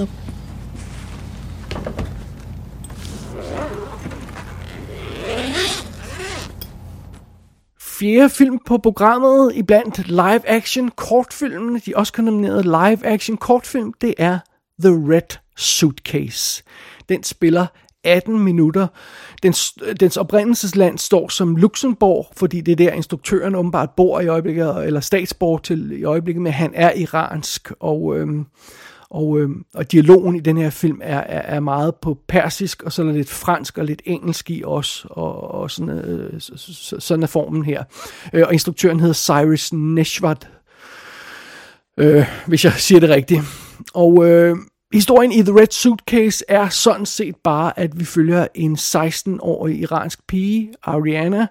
Ariane hedder hun. Øh, Tror ikke, jeg kan ikke huske, om de siger hendes navn højt. Nå, under omstændigheder, det er det, hun hedder. Øh, vi følger hende, og, øh, og hun er simpelthen på vej igennem tollen i Luxembourg Airport. Og med sig har hun en rød kuffert. Og hun virker meget nervøs og meget usikker, og hun klamrer sig nærmest til den her kuffert. Og det er ligesom pitchet for den her film. Og det, det er en, en, øhm, en, en, en simpel idé og et simpelt udgangspunkt, og, øhm, og, og den, den historie, som The Red Suitcase fortæller, den passer perfekt til en kortfilm, der er lige knap et kvarter lang. Men jeg bliver næsten lige nødt til at komme med en spoiler alert, fordi altså, vi bliver næsten nødt til lige at fortælle lidt mere af plottet, for egentlig at kunne hive fat i, hvorfor, hvorfor den her film er relevant at snakke om. Øh, det, det er svært at komme ind på, øh, hvad der er godt ved den, uden at lige snakke lidt videre om, hvad der foregår i filmen. For fidusen er jo, og det var så spoiler alerten der, øh, øh, fidusen er jo, man tror, der er et eller andet farligt i den her kuffert, man tror, der er et eller andet øh, haløjse i den, eller der er noget, øh, folk ikke skal se i den her kuffert, men, men den kuffert, den røde kuffert er sjovt nok en red herring, øh, det, det er ikke kufferten, der er det vigtige. Øhm, og det bliver meget hurtigt tydeligt, hvorfor, hvorfor den her pige er i lufthavnen, og hvad det er, så hun, hun er så nervøs for. Det er intet med kufferten at gøre. Grunden til, at hun er så nervøs, den her pige, når hun kommer gående igennem lufthavnen, det er, at hun er blevet giftet væk til en ældre mand, der nu står og venter på den anden side af modtagelsen på, at hun kommer, ind, øh, kommer hen til ham. Og, øhm, og, og det, det er så derfor, hun er så nervøs, og, og, og, og når hun, det er derfor, hun klamrer sig til sin, sin, øh, sin røde kuffert, fordi det, det er, hvad hun har af sit eget lige i øjeblikket. Hun er helt øh, lost der i, i lufthavnen. Øh, og, og på vej ind til et nyt liv, som hun fornemmer vi ret hurtigt ikke er specielt begejstret for. Og øh, der er et meget stærkt moment her tidligt i filmen, der ligesom viser, hvor den her øh, film vil hen. Og det er, når Ariane, hun står simpelthen på, på spejlet i toilettet, inden hun kommer ind i lufthavnen. Så står hun og kigger sig selv i spejlet, og så fjerner hun stille og roligt men bestemt tørklæde om sit hoved, og så slår hun sit hår ud. Og øh, det er der en praktisk grund til. Hun vil helst ikke blive genkendt som sådan en tørklæde, øh, øh, en, en pige med tørklæde. Øh, og så er der selvfølgelig også en tematisk grund til, at hun gør det, at hun simpelthen siger, at det, det, øh, det, det skal ikke være sådan, at, at mit liv skal være det her. Så nu beslutter hun sig for at gøre noget ved det. Det er en smuk, øh, smuk og simpel måde at vise, øh, hvor det er, den her film vil hen. Med den scene, hvor hun står og kigger sig i spejlet og tager tørklædet af. Så, øhm, og, og, og det, det efter, efter det, vi har fået etableret det, så bliver The Red Suitcase nærmest en lille nervepirrende thriller-historie, fordi Ariane, hun skal prøve at øhm, simpelthen komme ud af den her lufthavn, og, og hun skal forsøge at ikke blive fanget, og det, det, det er både spændende og intenst, men det er også hjerteskærende at se den her 16-årige pige gennemgå de her ting. Og øh, ja, jeg vil ikke sige så meget mere om, om The Red Suitcase andet end at det, det er igen, altså igen, jeg gentager bare, det er, det er en perfekt lille kortfilm. For den historie, den har fortalt, for det format, den har fortalt, øh, valgt at fortælle det i, og, og, og for det scope, som historien har, perfekt lille kortfilm. Det, øh, det er igen sådan noget, hvor jeg siger, jamen jeg forstår godt, hvor den her, hvorfor den her er blevet nomineret til, til, en, til en Oscar for bedste kortfilm. Det er, det er en super fed lille sag. Det var The Red Suitcase. Lad os gå videre til sidste film af de her live-action kortfilm.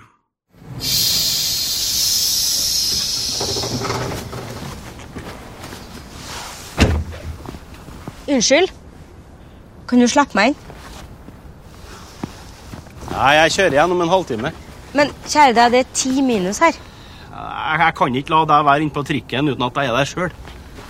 Det blir bare litt lenge å vente.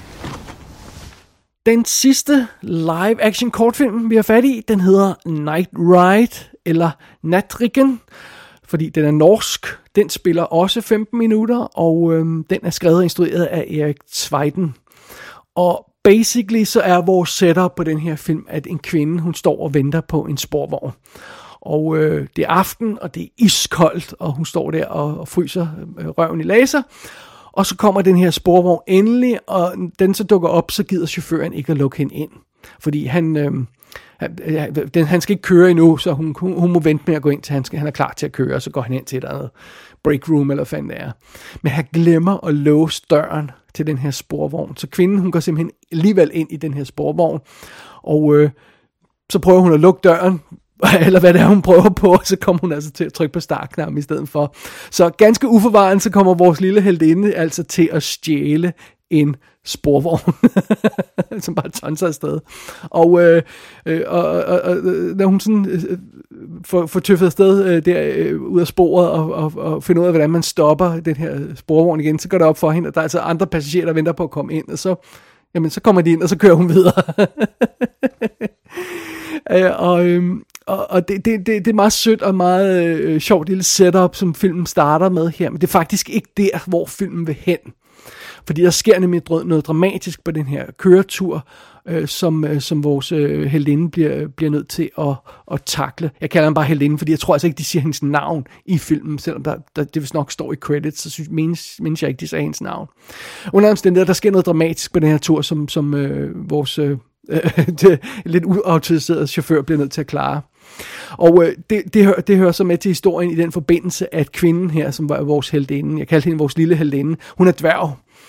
Øh, og det betyder jo så, at når hun pludselig bliver tvunget til at træde i karakter som den her falske sporvognsoperatør, så, så er det altså et problem, fordi når hun skal konfrontere folk, så er hun øh, halv størrelse i forhold til dem. Så øh, ja, det, det, det kan skabe selvfølgelig problemer. Og øh, igen, Night Ride, det er en af de kortfilm, der, øh, der har valgt den perfekte historie til sit format. Den har et øh, sødt lille setup, den udvikler sig på en sjov måde, og så får den fat i en interessant pointe undervejs, og så har den en sjov lille punchline op i ærmet til sidst. Og det fungerer perfekt, og det er perfekt med 15 minutters spilletid, og, og sådan skal det være. Så den er også det dybt charmerende lille film, og, og, og fed at se, og igen, 15 minutter, så kan man nemt komme igennem den, så det kunne nærmest ikke være mere perfekt. Det var øhm, Night Ride, den femte og sidste af de her live-action kortfilm, der er Oscar nomineret i år. Lad os uh, tage et lille break, og så danne os et lille overblik. Dear Jesus, Mary and all the saints, I may have done a bad thing. If Mom is in heaven, tell her I am sorry. And tell her I miss her too. I probably won't speak to you again until the next time something goes tits up. I hope that's okay. Jeg må tilstå, at jeg er rimelig positivt overrasket over denne her øh, Øh, batch af film, vi har foran os på øh, det her års om nominerede kortfilm, live-action kortfilm. Der er ikke nogen dårlige mellem de her fem film. Øh, La Pupille er den mindst gode, den der fungerer mindst øh, godt, og det, det, også den, der er lidt for lang, men den er stadigvæk sød, så det, det skal ikke forstås, som om den ikke fungerer på den måde. Og øh, jeg tror, Night Ride er den, jeg vil kalde den mindste af filmene. Øh, Eva Lou er den, der er mest poetisk, og øh, The Red Suitcase er den, der er mest intens. Og, øh, og så er der altså, øh, det, jeg, det, det jeg må konstatere er min favorit, det er An Irish Goodbye. Den, den film kunne jeg slet ikke stå for, og det, det, er, det, er, min, øh, det er min favorit her. Men alle de her film kan ses, og alle de her film kan nydes, og, øh, og, og, og det, det, er godt batch. Når man, når, når man øh, altså, de, de animerede kortfilm, der sidder man altså virkelig og ryster på hovedet tit. Det har vi gjort mange år, synes jeg, når vi har set de film, og sagt, hvorfor fanden i helvede bliver, bliver de der film nomineret til, der, øh, øh til en Oscar. Altså, det, er jo, det er jo shit. Og øh, nogle gange synes jeg også, vi har siddet med de, med, med de her live-action kortfilm og sagt, ah, det skulle ikke, det skulle, altså, det, det kan næppe være de fem bedste, de har valgt øh, for, for det år der. Det kan det altså ikke være. Men her i år, der synes jeg rent faktisk, det er, det er nogle gode film, der er valgt, og, og, og jeg kan på hver deres måde anbefale dem alle sammen. Så, øh, så det, det, det er en meget positiv overraskelse. Så det, det, man kan sætte sig ned og se dem øh, på en øh, filmaften, i stedet for at se en almindelig spillefilm, så kan man se de her fem kortfilm, og det, det kan man få stor fornøjelse ud af. Så det vil jeg næsten anbefale, man gør. Og så skal man måske, ikke som jeg gjorde, jeg, så dem, jeg har anmeldt en lille rækkefølge, jeg så dem, de her film, men det er lige før, man skal vælge en, øh, vente med An Irish Goodbye og gemme den til sidst, og, øh, fordi det, det er så lige prikken over i det. Så det er min anbefaling i hvert fald. Det var live-action kortfilmene. Lad os gå videre til dokumentar kortfilmene. Most of the time when I tell people this story, they tell me that they don't believe me and that I'm making it up or that it's not true.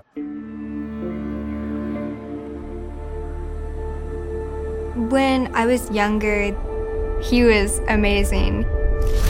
He he was just always there for me when I needed someone. You always hear about mass murders and how terrifying they are. But you can never really imagine that hurtful and harmful person to be in the same house as you. Så er vi nået til den sidste af de tre kortfilmkategorier. Det er dokumentar kortfilm, vi har fat i her. Og øh, vi starter med den film, der hedder Stranger at the Gate. Der er tale om en 29 minutter lang film, og den er distribueret af The New Yorker. Og instruktøren af den her Stranger at the Gate hedder Joshua øh, Seftel. Og ham kender vi godt, fordi han har også instrueret spillefilm. Han lavede 2008-filmen, der hedder War Inc., og den har jeg jo rent faktisk anmeldt i kassen tidligere. Og så har han lavet en masse andre dokumentarfilm også. Men øh, den her Stranger at the Gate, den starter simpelthen med at introducere os for spillerne i filmen, om jeg så må sige. Vi starter med at møde en sød ung pige, der fortæller om sin sin papfar, der, der, der, der var rimelig fantastisk. Eller der er rimelig fantastisk. Så møder vi en afghansk læge, der er flyttet til USA med sin familie i 80'erne, midten af 80'erne, og ender med at flytte til den lille by, der hedder Muncie i Indiana. Og øh, så møder vi moren til den pige, vi, vi mødte lidt tidligere. Og så møder vi Mac, a.k.a. Richard McKinney. Og det er manden, som både moren og den her pige snakker om øh, i, i deres korte interviewglimt der i starten. Og han er sådan en relativt rå og brutalt udseende fyr med sådan tatoveringer og sådan noget. Han er sådan typen, der har været soldat i 25 år, og han er jo bare blevet rimelig påvirket af de oplevelser, han, han havde som soldat, og det sidder han og snakker lidt om. Og så introducerer filmen os for det springende punkt her, nemlig 11. september angrebene. Da det finder sted i USA, så knækker det simpelthen for ham her fyren Richard. Han vil ikke finde sig i, at de der muslimer render rundt øh, og forpester hans elskede USA, så han planlægger et dødbringende bombeangreb på den lokale moské i byen. Og øhm, ja, første punkt på dagsordenen til at, til at lave det der angreb, det er jo simpelthen, at han vil, han vil øhm, indhente beviser for, at de her folk, de fortjener at dø, ganske enkelt. Han vil, han vil have beviserne i orden. Så han beslutter sig til, simpelthen for at besøge den her moské, og lige tjekke stedet ud, og tjekke folkene ud. Og, og her er det så, at filmen får et knæk. Fordi Richard, han møder ikke en bande forbandede rotter med tørklæder om hovedet, som han regnede med. Han møder nogle søde, varme, imødekommende mennesker, der tilfældigvis bare har et tørklæde om hovedet, nogle af dem. og, og, og, og de giver sig tid til at snakke med ham og lytte til ham og prøve at forstå ham, og de kan godt se, at han er lidt vred over et eller andet, eller sådan noget, men de snakker stille og roligt med ham, og Ja, well, det er jo selvfølgelig lidt en spoiler, men det er jo så kort en film med den her, man bliver næsten nødt til at snakke om pointen, fordi pointen er simpelthen, at man havde jo nok ikke lavet en 29 minutter lang film om en eller anden tilfældig dude, der dræbte 200 folk, øh, som han planlægger i en, mosk- i en moské et sted. Richard han gennemførte simpelthen ikke det her angreb. Og grunden til, at han ikke gjorde det, det var simpelthen, at han blev venner med de her folk, han mødte i den moské, som han ville bombe. That's it. det er simpelthen pointen for Stranger at the Gate. Og det er en smuk lille dokumentarfilm, det vil jeg gerne understrege. Det er en smuk lille film, der viser, hvordan en perfekt verden vil se ud. Hvordan møde mellem forskellige kulturer bør foregå. Hvor man simpelthen lytter til hinanden, forstår hinanden, accepterer hinandens forskel, og så bare lever videre side om side. Det, det, det er den, den smukke, lille, det smukke lille scenarie, som den her film præsenterer. Men jeg synes også, jeg vil lige have med her i sammen, den her sammenhæng, at det betyder jo altså også, at, at Stranger at the Gate fremstår en lille smule naiv nogle gange. Fordi ja, naturligvis så kan det her være vejen frem for at stoppe had og krig og uenigheder mellem forskellige folkeslag og religioner og alt det her løjse. Øh, men altså, man må også være bevidst om, at, at, at det er jo ikke en magisk lille løsning, man kan, man kan, man kan fjerne alle verdens problemer øh, med, fordi altså, det er en sød og varm lille historie, øh, Øh, som den her film fortæller, men det er en historie, og, og, og, og ja, der, man vil sikkert kunne bruge øh, øh, en lignende fremgangsmåde andre steder, hvor, hvor kærlighed og venskab og kram og forståelse vil kunne redde en masse folk fra at gå ned ad en mørk vej.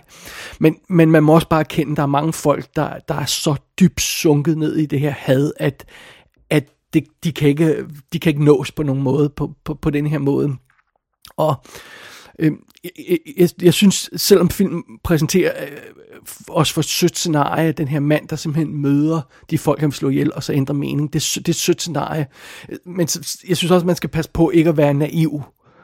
Øh, øh fordi det kan være øh, øh, enormt farligt at være naiv på det her område, fordi man skal altså ikke undervurdere, at, at der er nogle meget slemme folk ude i verden, som, som man ikke bare kan, kan overvinde med et kram. Og, og øh, det, det, jeg synes er lidt problem med den her film, det er, at den, den giver ikke indtryk af at være bevidst om, hvor alvorlig situationen er i den virkelige verden. Det, det, den, den fortæller den her historie lidt som et lille eventyr. Og, og det er det måske nok også, men det er jo ikke et eventyr, der reflekterer, øh, hvordan resten af verden ser ud nødvendigvis. Det, det er noget, man kan inspirere til at være, altså man kan prøve at, at opnå det, som den her karakteren, den her film gør, men, men, men jeg synes også, man må have en vis form for øh, virkelighedssans øh, og fornemmelse af, hvordan situationen er i den virkelige verden, og det synes jeg ikke, den her film har, for, for at sige livet. Så, så, så, så, så det er en god og varm og sød lille dokumentar, og man bliver godt humør af at se den, men, men, men jeg synes, den kommer med, med nogle forbehold undervejs. Uh, Stranger at the Gate. Det, det er i hvert fald sådan, jeg har det med den. Is the country gonna right itself now? Do we have Watergate behind us? We'll never have Watergate behind us, I hope, because in a way it's been good. We're teaching the politicians to be straight and not crooked. I'm convinced if it hadn't been for Martha, there'd have been no Watergate. Næste dokumentar i stakken, nummer to, hedder The Martha Mitchell Effect. Den er 40 minutter lang, og den er distribueret af Netflix. Og instruktørerne af den her dokumentarfilm er Anna øh, øh, Alvergi øh, og Deborah McClutchy, eller sådan noget i den stil. Øhm, alright, fair enough. Martha Mitchell, hvem er hun? Well, hvis man ikke lige har styr på det, så lad os lige tage det fra starten af. Richard Nixon, han er den 37. præsident i USA, og han blev øh, valgt i 1968, og så blev han præsident, og noget af det, han gjorde, var blandt andet at, udpege sin øh, kampagnemanager, øh, John Mitchell, som øh, Attorney General altså statsadvokaten, om jeg så må sige, eller hvad man, hvad man vil oversætte det til her. Og, øh, og, og det, det, er jo så, det er jo så det, der er konceptet for, for, for, øh, for den her film, at, at øh, John Mitchell er, er, er, er Attorney General og står for at være øh, lov og orden, og det hele er, skal være rigtigt og korrekt. Og han arbejder så altså sammen med Nixon, og hans kone er Martha. Og øh, det, det viser sig at være her, det er så, at, øh, at øh, Martha, hun blander sig i alt. Fordi øh, det kan godt være, at John Mitchell er, er, er Nixons tætte, en af Nixons tætteste medarbejdere, men, men Martha føler altså også, at hun har noget at sige i der. Og, og, og Nixon betragter hende som a hell of a menace, siger han. Øh, Øh, og og det, det er jo så det. Og, og, og den her film er simpelthen bare et portræt af den her, øh, øh, et lille hurtigt portræt af den her imponerende dame. Og der er masser af arkivoptagelser af Martha, og øh, hun, er, hun dukker op til alle de her forskellige officielle funktioner, sådan, for at trykke hænder og hilse på folk og sådan noget. Hun har sådan almindelige forpligtelser i den retning. Øh, men derudover så dukker hun også op på et hav af talkshows, fordi hun er, bliver meget hurtigt populær i, øh, på, på diverse øh, Øh, tv-kanaler, tv-shows og sådan noget, fordi hun er en... Øh, det virker som om, hun bliver en favoritgæst for mange af de her folk. Man ser sådan øhm, alle de her kvaste talkshow-værter, man kender fra den tid der, de sidder og snakker med hende i forskellige sammenhænge og sådan noget. Øh, øh fordi hun er med Martha, det kan godt være, at hun ligner en konservativ, fin dame med sådan en kæmpe opsat øh, øh, øh blond hår og sådan noget. Det er altså meget fint.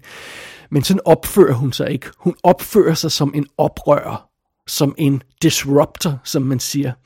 Altså Martha siger ting, som man ikke må sige, og hun gør ting, som man ikke må gøre, hun blander sig i alt. Altså hun ringer til præsidenten, hvis der er noget, hun synes, han gør forkert, og brokker sig over det, og så må præsidenten pænt tage et opkald fra Martha Mitchell igen, og, og høre på hende. Og sådan noget. Det, det er den situation, hun er i. Og, og, og, og at de tager det sådan alle sammen okay, de her folk, øh, Nixon og, og, og, og hendes mand John Mitchell der. Øh, de tager det alle sammen meget fint, fordi hun er jo med på deres side, og hun arbejder for deres sag, og hun taler for deres platform, og det er altså meget fint. Men der, når filmen begynder at knække, det er jo så, når vi kommer hen i nærheden af Watergate. Og når det begynder at gå op for, for Martha Mitchell, at Nixon-administrationen er korrupte røvhuller, og at hendes mand måske muligvis er har, er sunket for dybt ned i det der øh, haløjse der, øh, så er det tingene øh, kører sporet, fordi Martha, hun siger stadigvæk det, hun mener, og nu er hun så pludselig uenig med administrationen, og det, det går jo ikke. Og hun går stadig på alle talkshowsene og siger alle de her ting. Det går ikke. Efter sin så er Martha nævnt 100 gange på de her hemmelige optagelser fra Nixons øh, hvide hus. Øhm, og, og situationen bliver simpelthen det, at de prøver at lukke munden på den her kvinde. De, hun fortæller en historie om, jeg ved ikke, om det nu er blevet bekræftet, men jeg har ingen grund til at tro på, at det, det burde pure opspind, men hun fortæller en historie om, at hun simpelthen bliver holdt fanget af sikkerhedsfolk på et tidspunkt, altså spærret inden simpelthen, fordi de ikke vil have, at hun skal rende rundt og sige alle mulige ting, og de forsøger at køre sådan en kampagne i medierne, øhm, Nixons folk, for at det skal se ud som om, hun er simpelthen decideret nuts, altså mentalt ustabil og alkoholiker og alt muligt andet haløjser, og, og, og det, det, det ender med at blive en ret grim situation. Men heldigvis, hvis man kender sin historie, så ved man jo, hvordan det endte, og så ved man, at i sidste ende, så blev Martha altså øh, redeemed på et eller andet plan, fordi øh, hun havde ret i de ting, hun gik og sagde, som folk ikke rigtig troede på, men så begyndte de at tro på det lidt alligevel, for hun blev ved med at gå og sige dem og sådan noget. Så det er simpelthen det, som den her dokumentar, The Martha Mitchell Effect, den, den, den dækker. Og øh, det er jo som sagt på 40 minutter, men der er altså god hastighed over, øh, over den her film, fordi den, den dækker en sag, der strækker sig fra, fra 68 til hvad, helt op til 74, 76, hvornår det er. Øh, det hele er, er lukket ned for. Og, og det, det, det, det starter med sådan bare sådan en finurlig film, og så bliver det sådan en fræk lille thriller, og Øh, og så øh, ender det med at være sådan et, et historisk dokument om, om en del af Watergate-sagen, som alle måske ikke kender. Altså, det er jo ikke sådan noget, der er med i All the President's Men, for eksempel. At, at, at hvor meget indflydelse den her gave dame åbenbart havde på hele situationen. Og, og men, men det, nu har vi så fået en dokumentar, der fortæller det. Og det er fedt, det er en sådan 40 minutters dokumentar. Det behøver ikke at være en spillefilm. Øh, det, det er en, en sprudlende lille hurtig dokumentar. De er 40 minutter, så kører den bare derud af, og så fortæller den historien og, og præsenterer Martha-situationen. Og når man er færdig med den, så kan det godt være, at man har lyst til at undersøge mere om den situation om Watergate og dykke mere ned i hendes bidrag. Men så har man i hvert fald fået overblikket over, hvem hun var. Og øh, det gør den her film simpelthen perfekt. Så øh, det, det er sådan, en dokumentar skal opføre sig, og den, den gør lige det, den skal gøre. Og, og det er fedt at se alle de her gamle arkiv, arkivoptagelser med Nixon og John Mitchell og alle de her folk, hvor man pludselig opdager, at Martha er i baggrunden hele tiden. Det har jeg aldrig lagt mærke til før, men det er hun altså. Hun, stå, øh, hun dukker hovedet op øh, i baggrunden hele tiden, og, og er til stede alle de her steder, og er til stede på det her interessante punkt i historien. Så ja, det er så det, den her dokumentar dækker. Og det gør den fremragende. Den var jeg meget, meget begejstret for. The Martha Mitchell Effect. Alright, lad os gå videre til den tredje Oscar-nominerede dokumentar-kortfilm. போய் பார்க்கும்போது யானை குட்டி ரொம்ப மோசமாக இருந்துச்சு ஆனால் பூ பூச்செல்லாம் போட்டு ரொம்ப வாழெல்லாம் கட்ட ரொம்ப மோசமாக இருந்துச்சு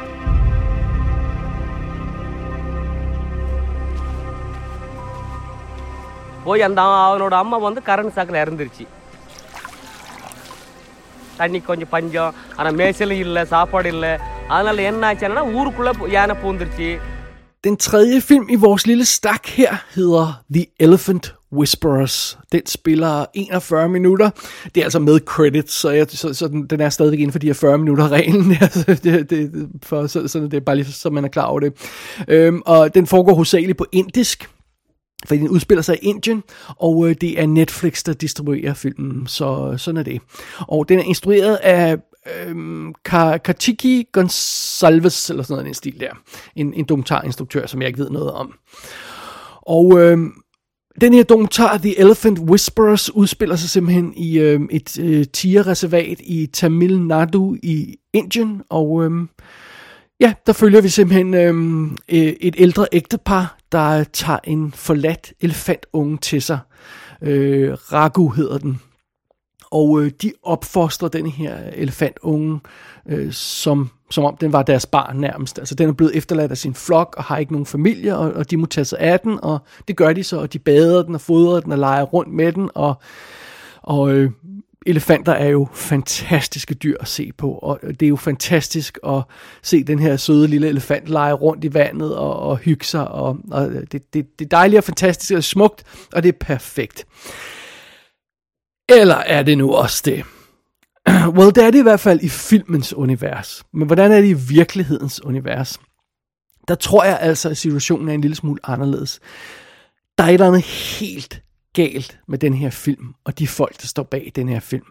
For det første, elefanter er det vist sådan generelt accepteret, er relativt intelligente. Man er sådan lidt i tvivl om, hvor intelligente, men der, der, der er indikationer af, at de kan føle empati og sympati og, og, og, og kan forholde sig til verden omkring den, og, og for eksempel kan hjælpe mennesker i nød og hjælpe andre dyr i nød og sådan noget. Altså der, der er nogle indikationer af det, selvom man vist nok ikke er helt sikker på, hvor, hvor, hvordan situationen er. Men, men øhm, men fidusen er, øh, hvis man ser en elefant tøffe rundt, som om den var en hund efter et menneske, eller hvis man ser en elefant, hvor, øh, som bliver reddet på, hvor, øh, som, som, hvor der er øh, 15 børn, der kravler rundt på den, og den, øh, den gør ikke noget ved dem, den, den lader dem bare gøre det. Hvis man ser det, så er det fordi, der er tale om en, en elefant, der er blevet knækket psykisk. Det er ikke en naturlig opførsel for en elefant. Elefanter er vilde dyr. Man har ikke øh, domestikeret øhm, øh, elefanter, som man har for eksempel med hunde og katte via avl. Elefanter er vilde dyr. Og øh, hvis en elefant ikke opfører sig som et vildt dyr, og ikke helt, helt forstået, at den er sådan en dræber, der vil dræbe mennesker det øjeblik, den, den, den, den så et, men altså, det er stadig et vildt dyr, og hvis en elefant ikke opfører sig som et vildt dyr, hvis den opfører sig som en hund, så har den ikke haft et godt liv. Det kan godt være, den har det nu, men så har den ikke haft det tidligere. Og den del af historien er overhovedet ikke fortalt i den her dokumentarfilm. Der er ikke skyggen af det her aspekt nævnt. Øh, det her, det virker som en helt ekstrem øh, bunke øh, positiv PR-reklame for det her reservat. Altså det er et ekstremt tilfælde af falsk markedsføring, som The Elephant Whisperer har gang i. Og, og det, det synes jeg, det er en dårlig situation. Men, men, men jeg kunne ikke lade være, når jeg sad og så den her film, så kunne jeg ikke lade være med at, at, at, at prøve at se, hvad er det, de egentlig gør? Hvad, hvad er det egentlig, de viser mig i den her film? Og der er hele tiden moment, momenter undervejs i den dokumentar, der får mine advarselsklokker til at ringe. Øhm, for eksempel så den her mand, øh, det her ældre ægtepar, øh, der, manden her, øh, Bomman hedder han, han fortæller, at den her elefant Ragu, den var simpelthen så ringe stand, da de fik den ind, og Øh, og, og, og, og det var helt forfærdeligt, men så hjalp de den, og, og nu er den her elefant rask og glad og frejdig. Og mens han siger det, så ser vi ganske vist den her elefant, der står på en, og hygger sig på en, en grøn mark, og det ser altså meget fint ud. Det ser fantastisk ud, hvis man ikke bemærker, at den har en lænke om benet, den her elefant så, så den ikke løber væk. Og, øh, og så, så er der også nogle situationer, som at parret der, det ældre ægtepar, de fortæller, at de tager sig af de her elefanter, som om det var deres eget barn. Øh, og derudover så betaler de her elefanter jo også for alt, hvad de har. Og så er det bare sådan, plade scratch, wait, what? Elefanterne betaler for alt det, de har. Hvor, hvor kommer de her penge fra? Hvem betaler de der penge til det her par for, de her, for at passe på de her elefanter? What? Hvad er situationen der? Well, det får vi selvfølgelig intet at vide om. Øh, og, øh, og, og, og, og øh, øh, Bowman og, og Belly, som det her par hedder, de, de fortæller om... Øh, de fortæller også om, hvor, hvor godt de passer på den her øh, ragu, og hvor fantastisk det er, at de har reddet den. Og, og, øh, og så kommer det sådan lidt henkastet, jamen, fordi der er jo ikke andre elefantunger, der har klaret sig i fangenskab. Og så, wait, what? Så endnu plade scratch. Så fik, I, fik I lige sagt mellem linjerne, at alle andre elefantunger, som det her reservat har taget ind, er døde? apparently, men det hører vi ikke mere om. Vi hører bare, hvor unikt det er, at det her, de her to elefanter, er, øh, de, de får en anden på et tidspunkt også, øh, at de her to elefantunger, som det her par, det har taget sig af, de, de, de, de klarer sig så godt. Det får vi at vide er unikt, men det er jo så underforstået, at det vil sige, at alle andre, øh, der har forsøgt at gøre det samme, har fejlet. Øhm, og, og, og det, det, det er hele tiden situation i den her film. Der er hele tiden ting i den her film, Elephant Whisperer, der virker forkert. Øhm, og øhm, og udover de her indholdsmæssige problemer i dokumentaren, så er filmens form altså heller ikke ideel, fordi 40 minutter er alt for langt til den her historie. Den er mega langtrukken, og langsomme billeder skal vi hele tiden se af folk, der vader gennem marker, og langsom musik, og slow motion billeder af elefanter, der bader, og så endnu en elefant, der bader, og så bader den igen lidt senere, og det, det, filmen kører hele tiden rundt i de samme scener, vi har set, og, og, og det, det føles enormt langtrukken på 40 minutter. Og, øh, og, og det, det er jo altså ikke godt, når formen også er problematisk. Men altså, det, der, det jeg virkelig synes er, øh, er problematisk, det er, det er mere end noget andet, det er indholdet. Fordi The, The Elephant Whispers det virker som en smuk og dejlig og varm film om elefanter, der er blevet reddet og fået et godt liv. Øhm, men det er altså ikke en film, der sørger for, at man får korrekt informationer om elefanter. Og, og, og, og for at nyde den her smukke, dejlige, varme film om elefanter, så kræver det altså også, at man ikke bemærker de der kæder, de har om benet hele tiden. Øh, og det kræver også, at man ikke undrer sig over, hvorfor de skal tvangsfodre sin scene undervejs og sådan noget. Altså, det, det virker som et fuldstændig ukritisk og uærligt portræt af, af situationen øh, omkring de her elefantunger, som den her film kaster sig ud i, den her dokumentar kaster sig ud i. Jeg synes faktisk, det virker lidt, øh, lidt kvalmt øh, Øh, øh, hvis man begynder at tænke over det. Fordi når man bare ser filmen, og den bare, man bare ser billederne af de her dejlige elefanter, der bader og sådan noget, så tænker man, åh, oh, hvor er det fantastisk. Men er det det? Nej, det, det, det tror jeg altså ikke, det er. Og, og, og jeg tror, at den her film fylder også med løgn. Det, det virker meget, meget utroværdigt på mig. Og, og jeg synes, der er mange indikationer i den her film øh, om, at den er uærlig. Og øh, det gør det selvfølgelig ikke til en god dokumentar, den her The Elephant Whisperers. 43 день наблюдений. Моржи пришли ослабленные и уставшие. Шли сюда по открытой воде. Льда на море нет для отдыха. А, Несколько раз на день паники и давки. И очень много травмированных животных. Vi skal videre i dokumentar-kortfilmene, der er også nomineret. Vi er nået til nummer 4 ud af de fem, og øh, den hedder Hall Out. Og den spiller 25 minutter, og den øh, er hovedsageligt på russisk, og, øh, og den er instrueret af Maxiv øh, Abugev og Agevnia Abugev, som jeg går ud fra hans kone så, eller sådan noget, fordi de er samme efternavn, men det, det who knows. Øh, og ham Maxim der, han er simpelthen øh, hovedrolleindhaveren i den her film, om jeg så må sige. Det er New Yorker, der har distribueret filmen i øvrigt. Og en starttekst øh, på den her film fortæller os, at vi er i øh, øh, Chukotka i Siberian Arctic, altså i op over den arktiske cirkel i Sibirien. Og, øh, og sådan er det, og vi er på sådan en vindblæst kyst, hvor der øh, bølgerne bruser, og vinden blæser, og det, alt er gråt og, og ser hårdt og barskt ud, og her møder vi altså en mand, det har Maxim der, øhm, der venter på et eller andet i et skur. Og pludselig en dag, når han slår døren op i det her lille træskur, så er hele området dækket af valrosser. Og jeg, jeg mener virkelig, hele området er dækket af valrosser. Vi snakker sådan cirka 100.000 valrosser, der er tæt pakket på den her, den her strand og den her kystområde og de her klipper, som, som, som vi er i nærheden af. Øhm, den her mand kan decideret ikke presse sig ud af sit skur, fordi det er omringet af valrosser. Og øhm, der ligger de der valrosser så åbenbart der i en 40-50 dage, eller hvor længe det er, og så en eller anden morgen, så er de alle sammen væk. Og så slutter filmen.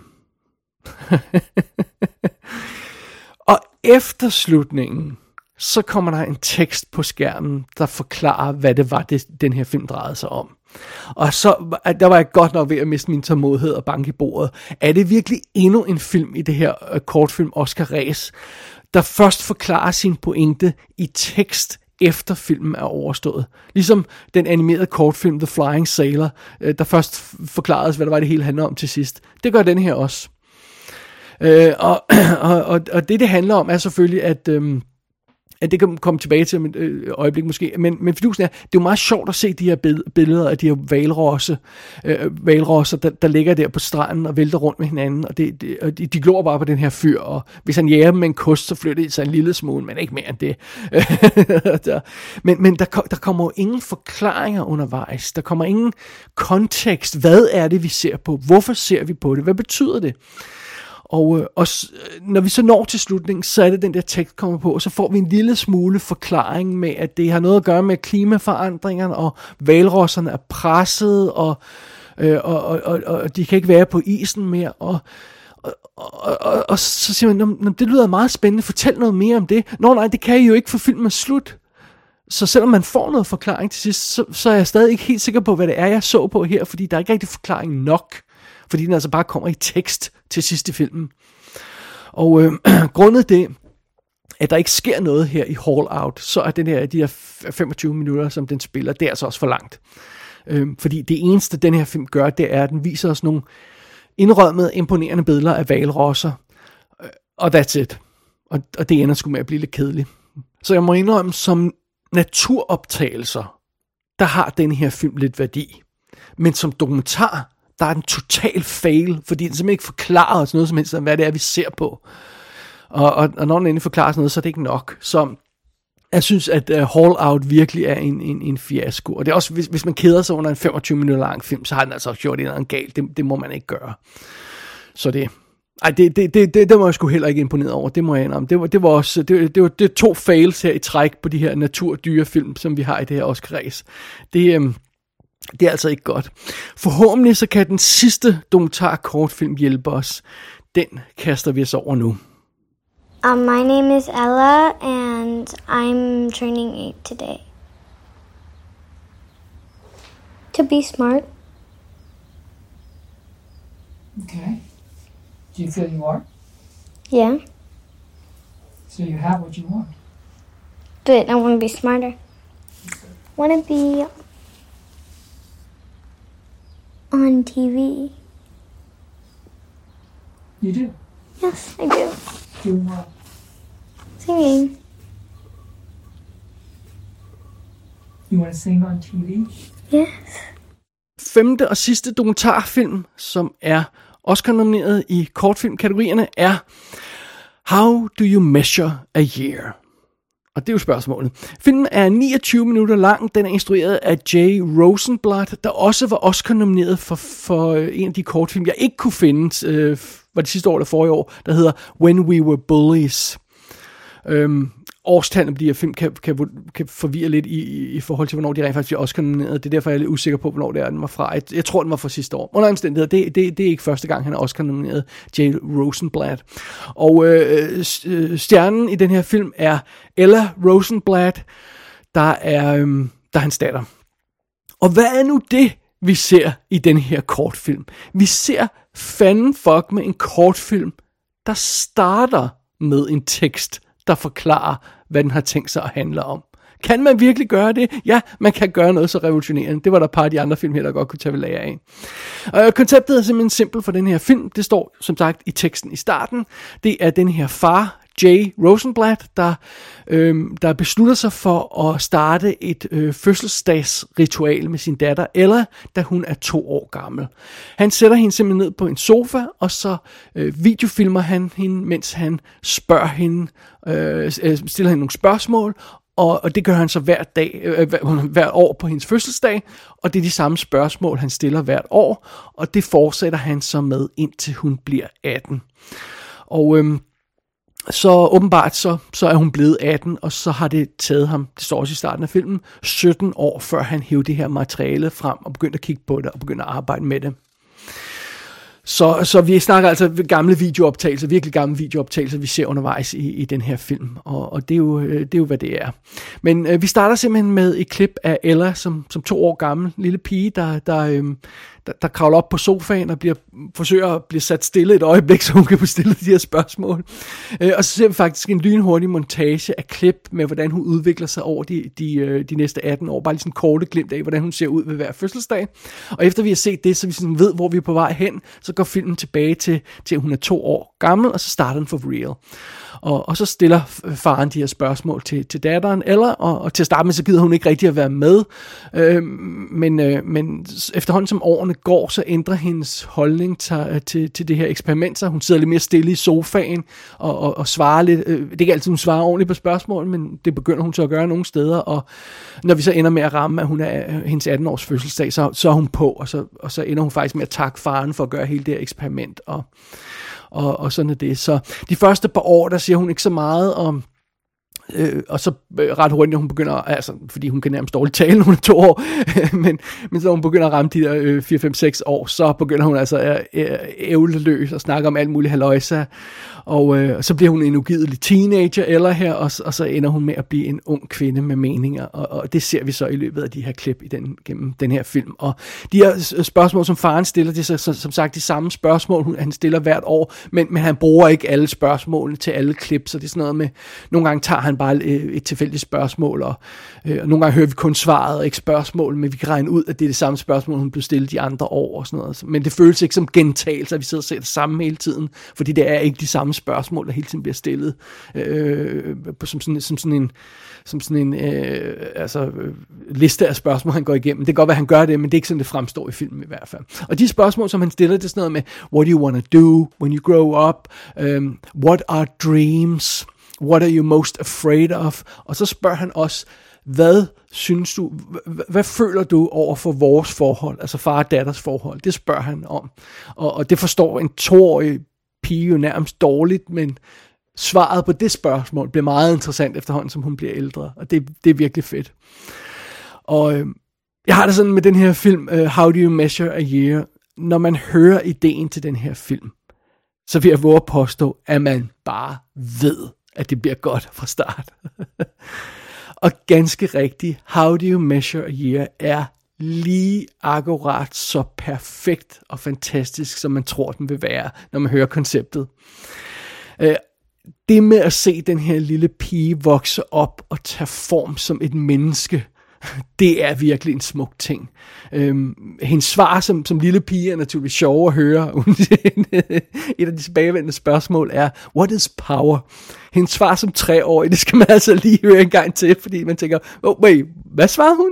Øh, det vil jeg ikke afsløre her, men det er fantastisk. Og, men når så hun vokser op, så bliver hendes svar på de her spørgsmål altså mere imponerende, og specielt når hun, hun bliver en ung kvinde, øh, som har tænkt over tingene og tænkt over livet, så bliver de her svar, hun, hun giver den her datter, det bliver, det bliver, det bliver øh, super fedt. Og øh, der er masser af højdepunkter, hvor man sidder og griner i den her film. Der er også nogle lavpunkter undervejs, hvor det bliver sådan, bliver sådan nærmest lidt deprimerende, fordi der er nogle år, hvor hun, hun ikke har det så godt, apparently. I hvert fald ikke på sin, sin fødselsdag. Og øhm, det, det, altså det er både sødt og sjovt og rørende og øh, undervejs, det, det vi kommer igennem i den her film. Og øhm, ja, det, det, det er ret fantastisk. Der er selvfølgelig to ting, man lige skal have i mente i forbindelse med sådan et, øh, et, et, et, et i forbindelse med lige specifikt den her film og dens konstruktion. For det første så er det øhm, det er naturligvis det her, det, det er spøjs konstruktion, det her med at, at tage øh, hendes fødselsdag og, og optage øhm, øh, altså det giver meget god mening at gøre det på hendes fødselsdag, men der er også et problem i at optage øh, på hendes fødselsdag hvert år, fordi det er jo ikke sikkert fødselsdagen og hendes mentale øh, situation og hendes tilstand i livet øh, øh, for hele det år lige præcis er reflekteret i, hvordan hun har det på sin fødselsdag. Så det er ikke øh, nødvendigvis et, et, et fuldstændig reelt billede, man får af, af, af, af hvordan den her teenage pige går igennem livet. Men, men det, altså, det er nok tæt på, men man skal bare lige have i mente, at det er altså en specifik dag, hvor man tager temperaturen på hendes liv. Øh, Øh, og noget andet, man også lige skal have i mente, det er jo, altså det er hendes far, der sidder og stiller de her spørgsmål. Og, og det havde jo selvfølgelig været et andet resultat, hvis det øh, var en person, hun ikke kendte, der stillede spørgsmålene. Og det havde også været et andet resultat, hvis hun selv optog sig selv og svarede på de her spørgsmål, uden der var nogen andre i rummet. Øhm, og jeg siger, det, det er ikke fejl og mangler eller problemer i den her film. Jeg synes bare, det er noget, man lige skal notere sig mentalt, når man ser den her film. Bare lige, at man klar over det og tager det med i, i, øh, i overvejelserne. Og, og det er meget sjovt, fordi der er jo forskellige folk, der har lavet de her eksperimenter med at optage sig selv og optage deres børn og, og, og sammenligne optagelser over årene og sådan noget. Øh, jeg kan blandt andet huske den video, som, øhm, som en gut, der hedder Jeremiah McDonald, han lavede, hvor han øh, simpelthen har en samtale med sit, øh, sit han er, jeg tror, han må være i 30'erne eller sådan noget, eller hvor gammel han nu er, har en samtale med den 12-årige udgave af sig selv. Han har simpelthen optaget sig selv som 12-årig, og så har han optaget sig selv i nutiden, og så har han klippet det sammen, som om han snakker med sig selv i fortiden. Øh, og øh, den video, jeg tjekkede, jeg ved ikke, om der ligger flere versioner på YouTube, men den har 33 millioner views. det, det, det, var, det var en, en, en video, der kom rundt i medierne, så det, det er en meget sjov ting. Han gør det her med at sidestille, hvordan han opførte sig som, som lille, og med hvordan han er, han er som voksen. Det, det er sjovt. Og den her film, den arbejder selvfølgelig med et andet koncept, øh, fordi den tager... Øh, den, øh, den tager det her, de her skridt et over gangen og, og, og, og giver os en, en anden form for struktur. Og, og, men det er også altså det, det, det, det er et simpelt koncept, den her film arbejder med. Uh, How do you measure a year? Og, øhm, og, og, og det fungerer perfekt. Og den holder så til det her simple koncept hele vejen igennem. Vi ser kun de her videooptagelser for de her interviews med, med, med datteren. Og, der er ikke andet materiale om som regel er det bare close-up af hendes ansigt. Nogle gange ser vi hende i fuld figur, og, og sådan Nogle gange synger hun lidt og sådan noget. Men det er kun de her videooptagelser for den her situation. Der er ikke noget andet med. Og, og det er en perfekt form for den her film. Og, og, og 30 minutter er en perfekt længde for den her film. Fordi det, det her projekt kunne nemt have vokset så stort. Altså, den her far har optaget sin datter på video igennem 16-17 år, eller hvad det nu er. Ikke? Øh, og, og og han, så skal han sidde og klippe det her materiale sammen, og man kan jo nemt forestille sig, at en far vil, vil forelske sig i hvert eneste moment med hans lille datter, der vokser op, øh, og, og, og, så, og, og ikke kunne, kunne klippe det, sådan som det skal klippes. Øh, men det er altså ikke tilfældet. Øh, Jay Rosenblatt, som, som jo så også har, har skabt den, som står som instruktør på den her film, han holder det hele øh, øh kort og fokuseret, og, og, og inden for de her 30 minutter, og springer hurtigt videre, hvis der ikke er så meget at, øh, kød på på, på interviewsen, som, øh, når, når hun er to, tre og fire år og sådan noget, så springer han hurtigt videre, og det er okay, og det er fint nok, fordi vi får, vi får hele rejsen alligevel, og, og det, han, det, det, det er helt den rigtige måde at gøre det på. Det, det er perfekt måde at gøre det på. Så jeg må nok konstatere, uh, how do you measure a year? Jeg kan slet ikke stå for den det, den er, det, er, det er simpelthen en fantastisk lille, lille sag, og, og, og, og, og hvis man ikke sidder og, og, og, og både smiler og har en lille tårer i øjnene til, til slut, så, så, øh, jamen, altså, hvad laver man så med sit liv? Så øh, altså, det, det, jeg synes, det er, det er en perfekt og fantastisk lille film, og det er uden konkurrence den bedste af de her dokumentarfilm i det her batch. Det er altså How Do You Measure a Year? Så det. Men lad os lige trække vejret, og så os et lille overblik over de her fem dokumentarkortfilm. Power is being yourself. That takes a lot of power. Our relationship has been tough this past year. Um, I think it's gotten worse the past few months, but well, actually not worse, just a little more difficult because we've been fighting a lot, and um, and I don't know, I, but we always make up and forgive each other in the end, so I feel pretty good about it. Der er en rimelig stor variation i de her fem øh, nominerede dokumentar-kortfilm øh, ved, ved Oscar-ræset i år. Det må jeg godt nok indrømme. Altså, som jeg, som jeg nævnte tidligere, The Elephant Whisperers, det, det er den absolut dårligste af de her film, og det er den mest problematiske, rent tematisk og indholdsmæssigt. Øh, Hall Out er bare noget vås, og, og det er ikke en særlig god film. Øh, Stranger at the Gate, den, den er okay, så længe man lige... Øh, har det her reality check, og lige har det der forbehold over for den. Øh, men men den, den, vil, den vil, øh, synes jeg godt, jeg kan anbefale, at man ser. Og så er der The Martha Mitchell Effect. Det er en perfekt lille dokumentar, og, og den er jo på Netflix. Den, den er bare lige til at queue op og, og se. Men, som jeg nævnte øh, lidt tidligere, How Do You Measure a Year, det er altså vinderen i min bog. Det er, det, det er uden konkurrence den bedste af de her film. Den er simpelthen så dybt charmerende og fantastisk og perfekt og, og ikke til at stå for. Og that's it. Så, så det, øh, det er simpelthen vores rejse igennem de her fem øh, øh, nominerede, Oscar-nominerede dokumentar-kortfilm. Så, øh, så sådan er det. Lad os tage et lille hurtigt break, og så danne os et overblik over hele kortfilmræset. Alright, here we go. Oh, don't be scared. I won't dirty my hands on you. I'm Cherry Malott. They know about me from San Francisco to Sitka. My reputation's got marks on it I couldn't rub off if I wanted to. I am what I am. I don't know how they finally settle things in this world or the next. But when the day comes, I'll stand there with my chin up and take what's coming to me. And I wouldn't trade places with you, you white-livered, sweet-smelling hypocrite, if they gave me a one-way ticket to hell! Now get out of here. I'll send him to you, and I hope you're happier than you deserve to be. Get out! Jamen dog, det lykkedes os simpelthen at komme igennem alle 15 Oscar-nominerede kortfilm i de tre kategorier. Og øhm, men altså, det, det, det er jo sådan, det er meget sjovt, fordi de, de tre kategorier her er så forskellige. De, de animerede, øh, fordi de ofte er de korteste af, af kortfilmen, de er, de er som regel nemme nok at komme igennem. Øh, live-action kortfilmen kan være sådan en hit and miss, fordi de kan være alt fra, fra 10 minutter til, til 40 minutter, øh, så det, det varierer meget.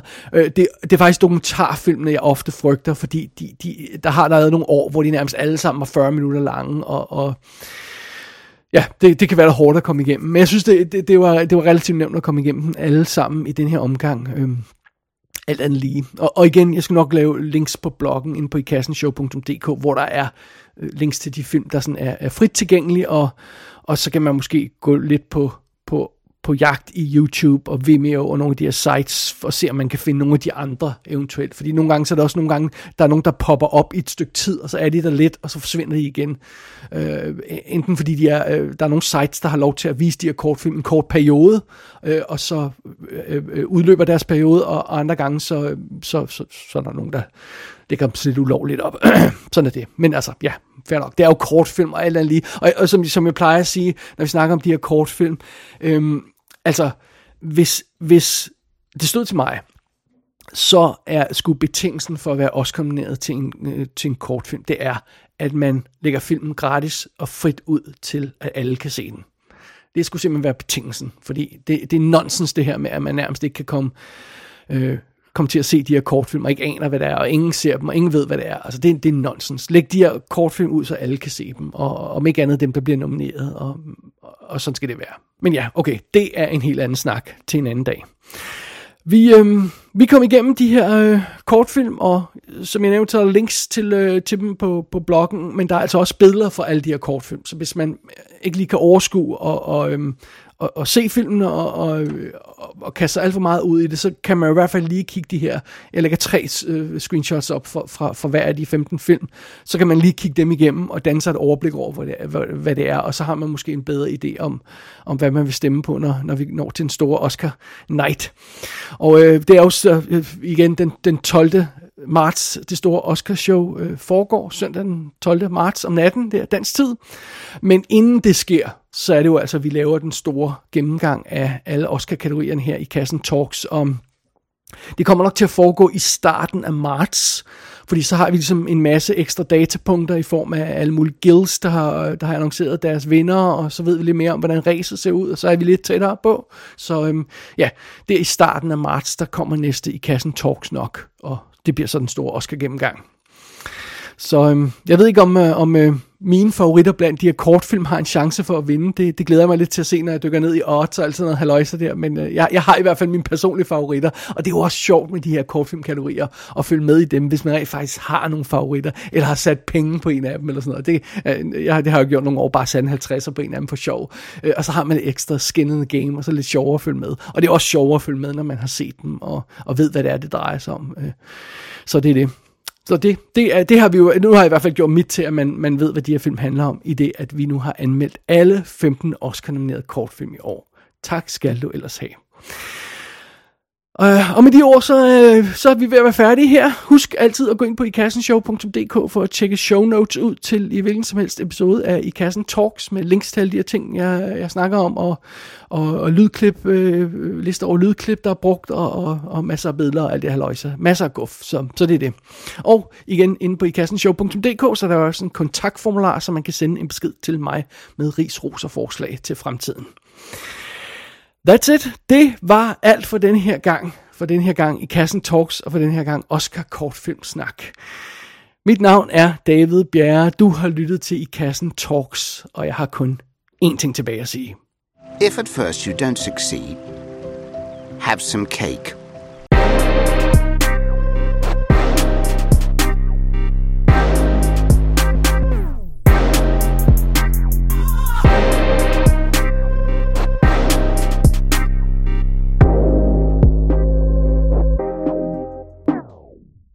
Five hundred twenty-five thousand six hundred minutes. How do you measure her? Measure a year in daylights, in sunsets, in midnights, in cups of coffee, in inches, in miles, laughter and shy. Five hundred twenty-five thousand six hundred minutes. How do you measure her? Measure a year.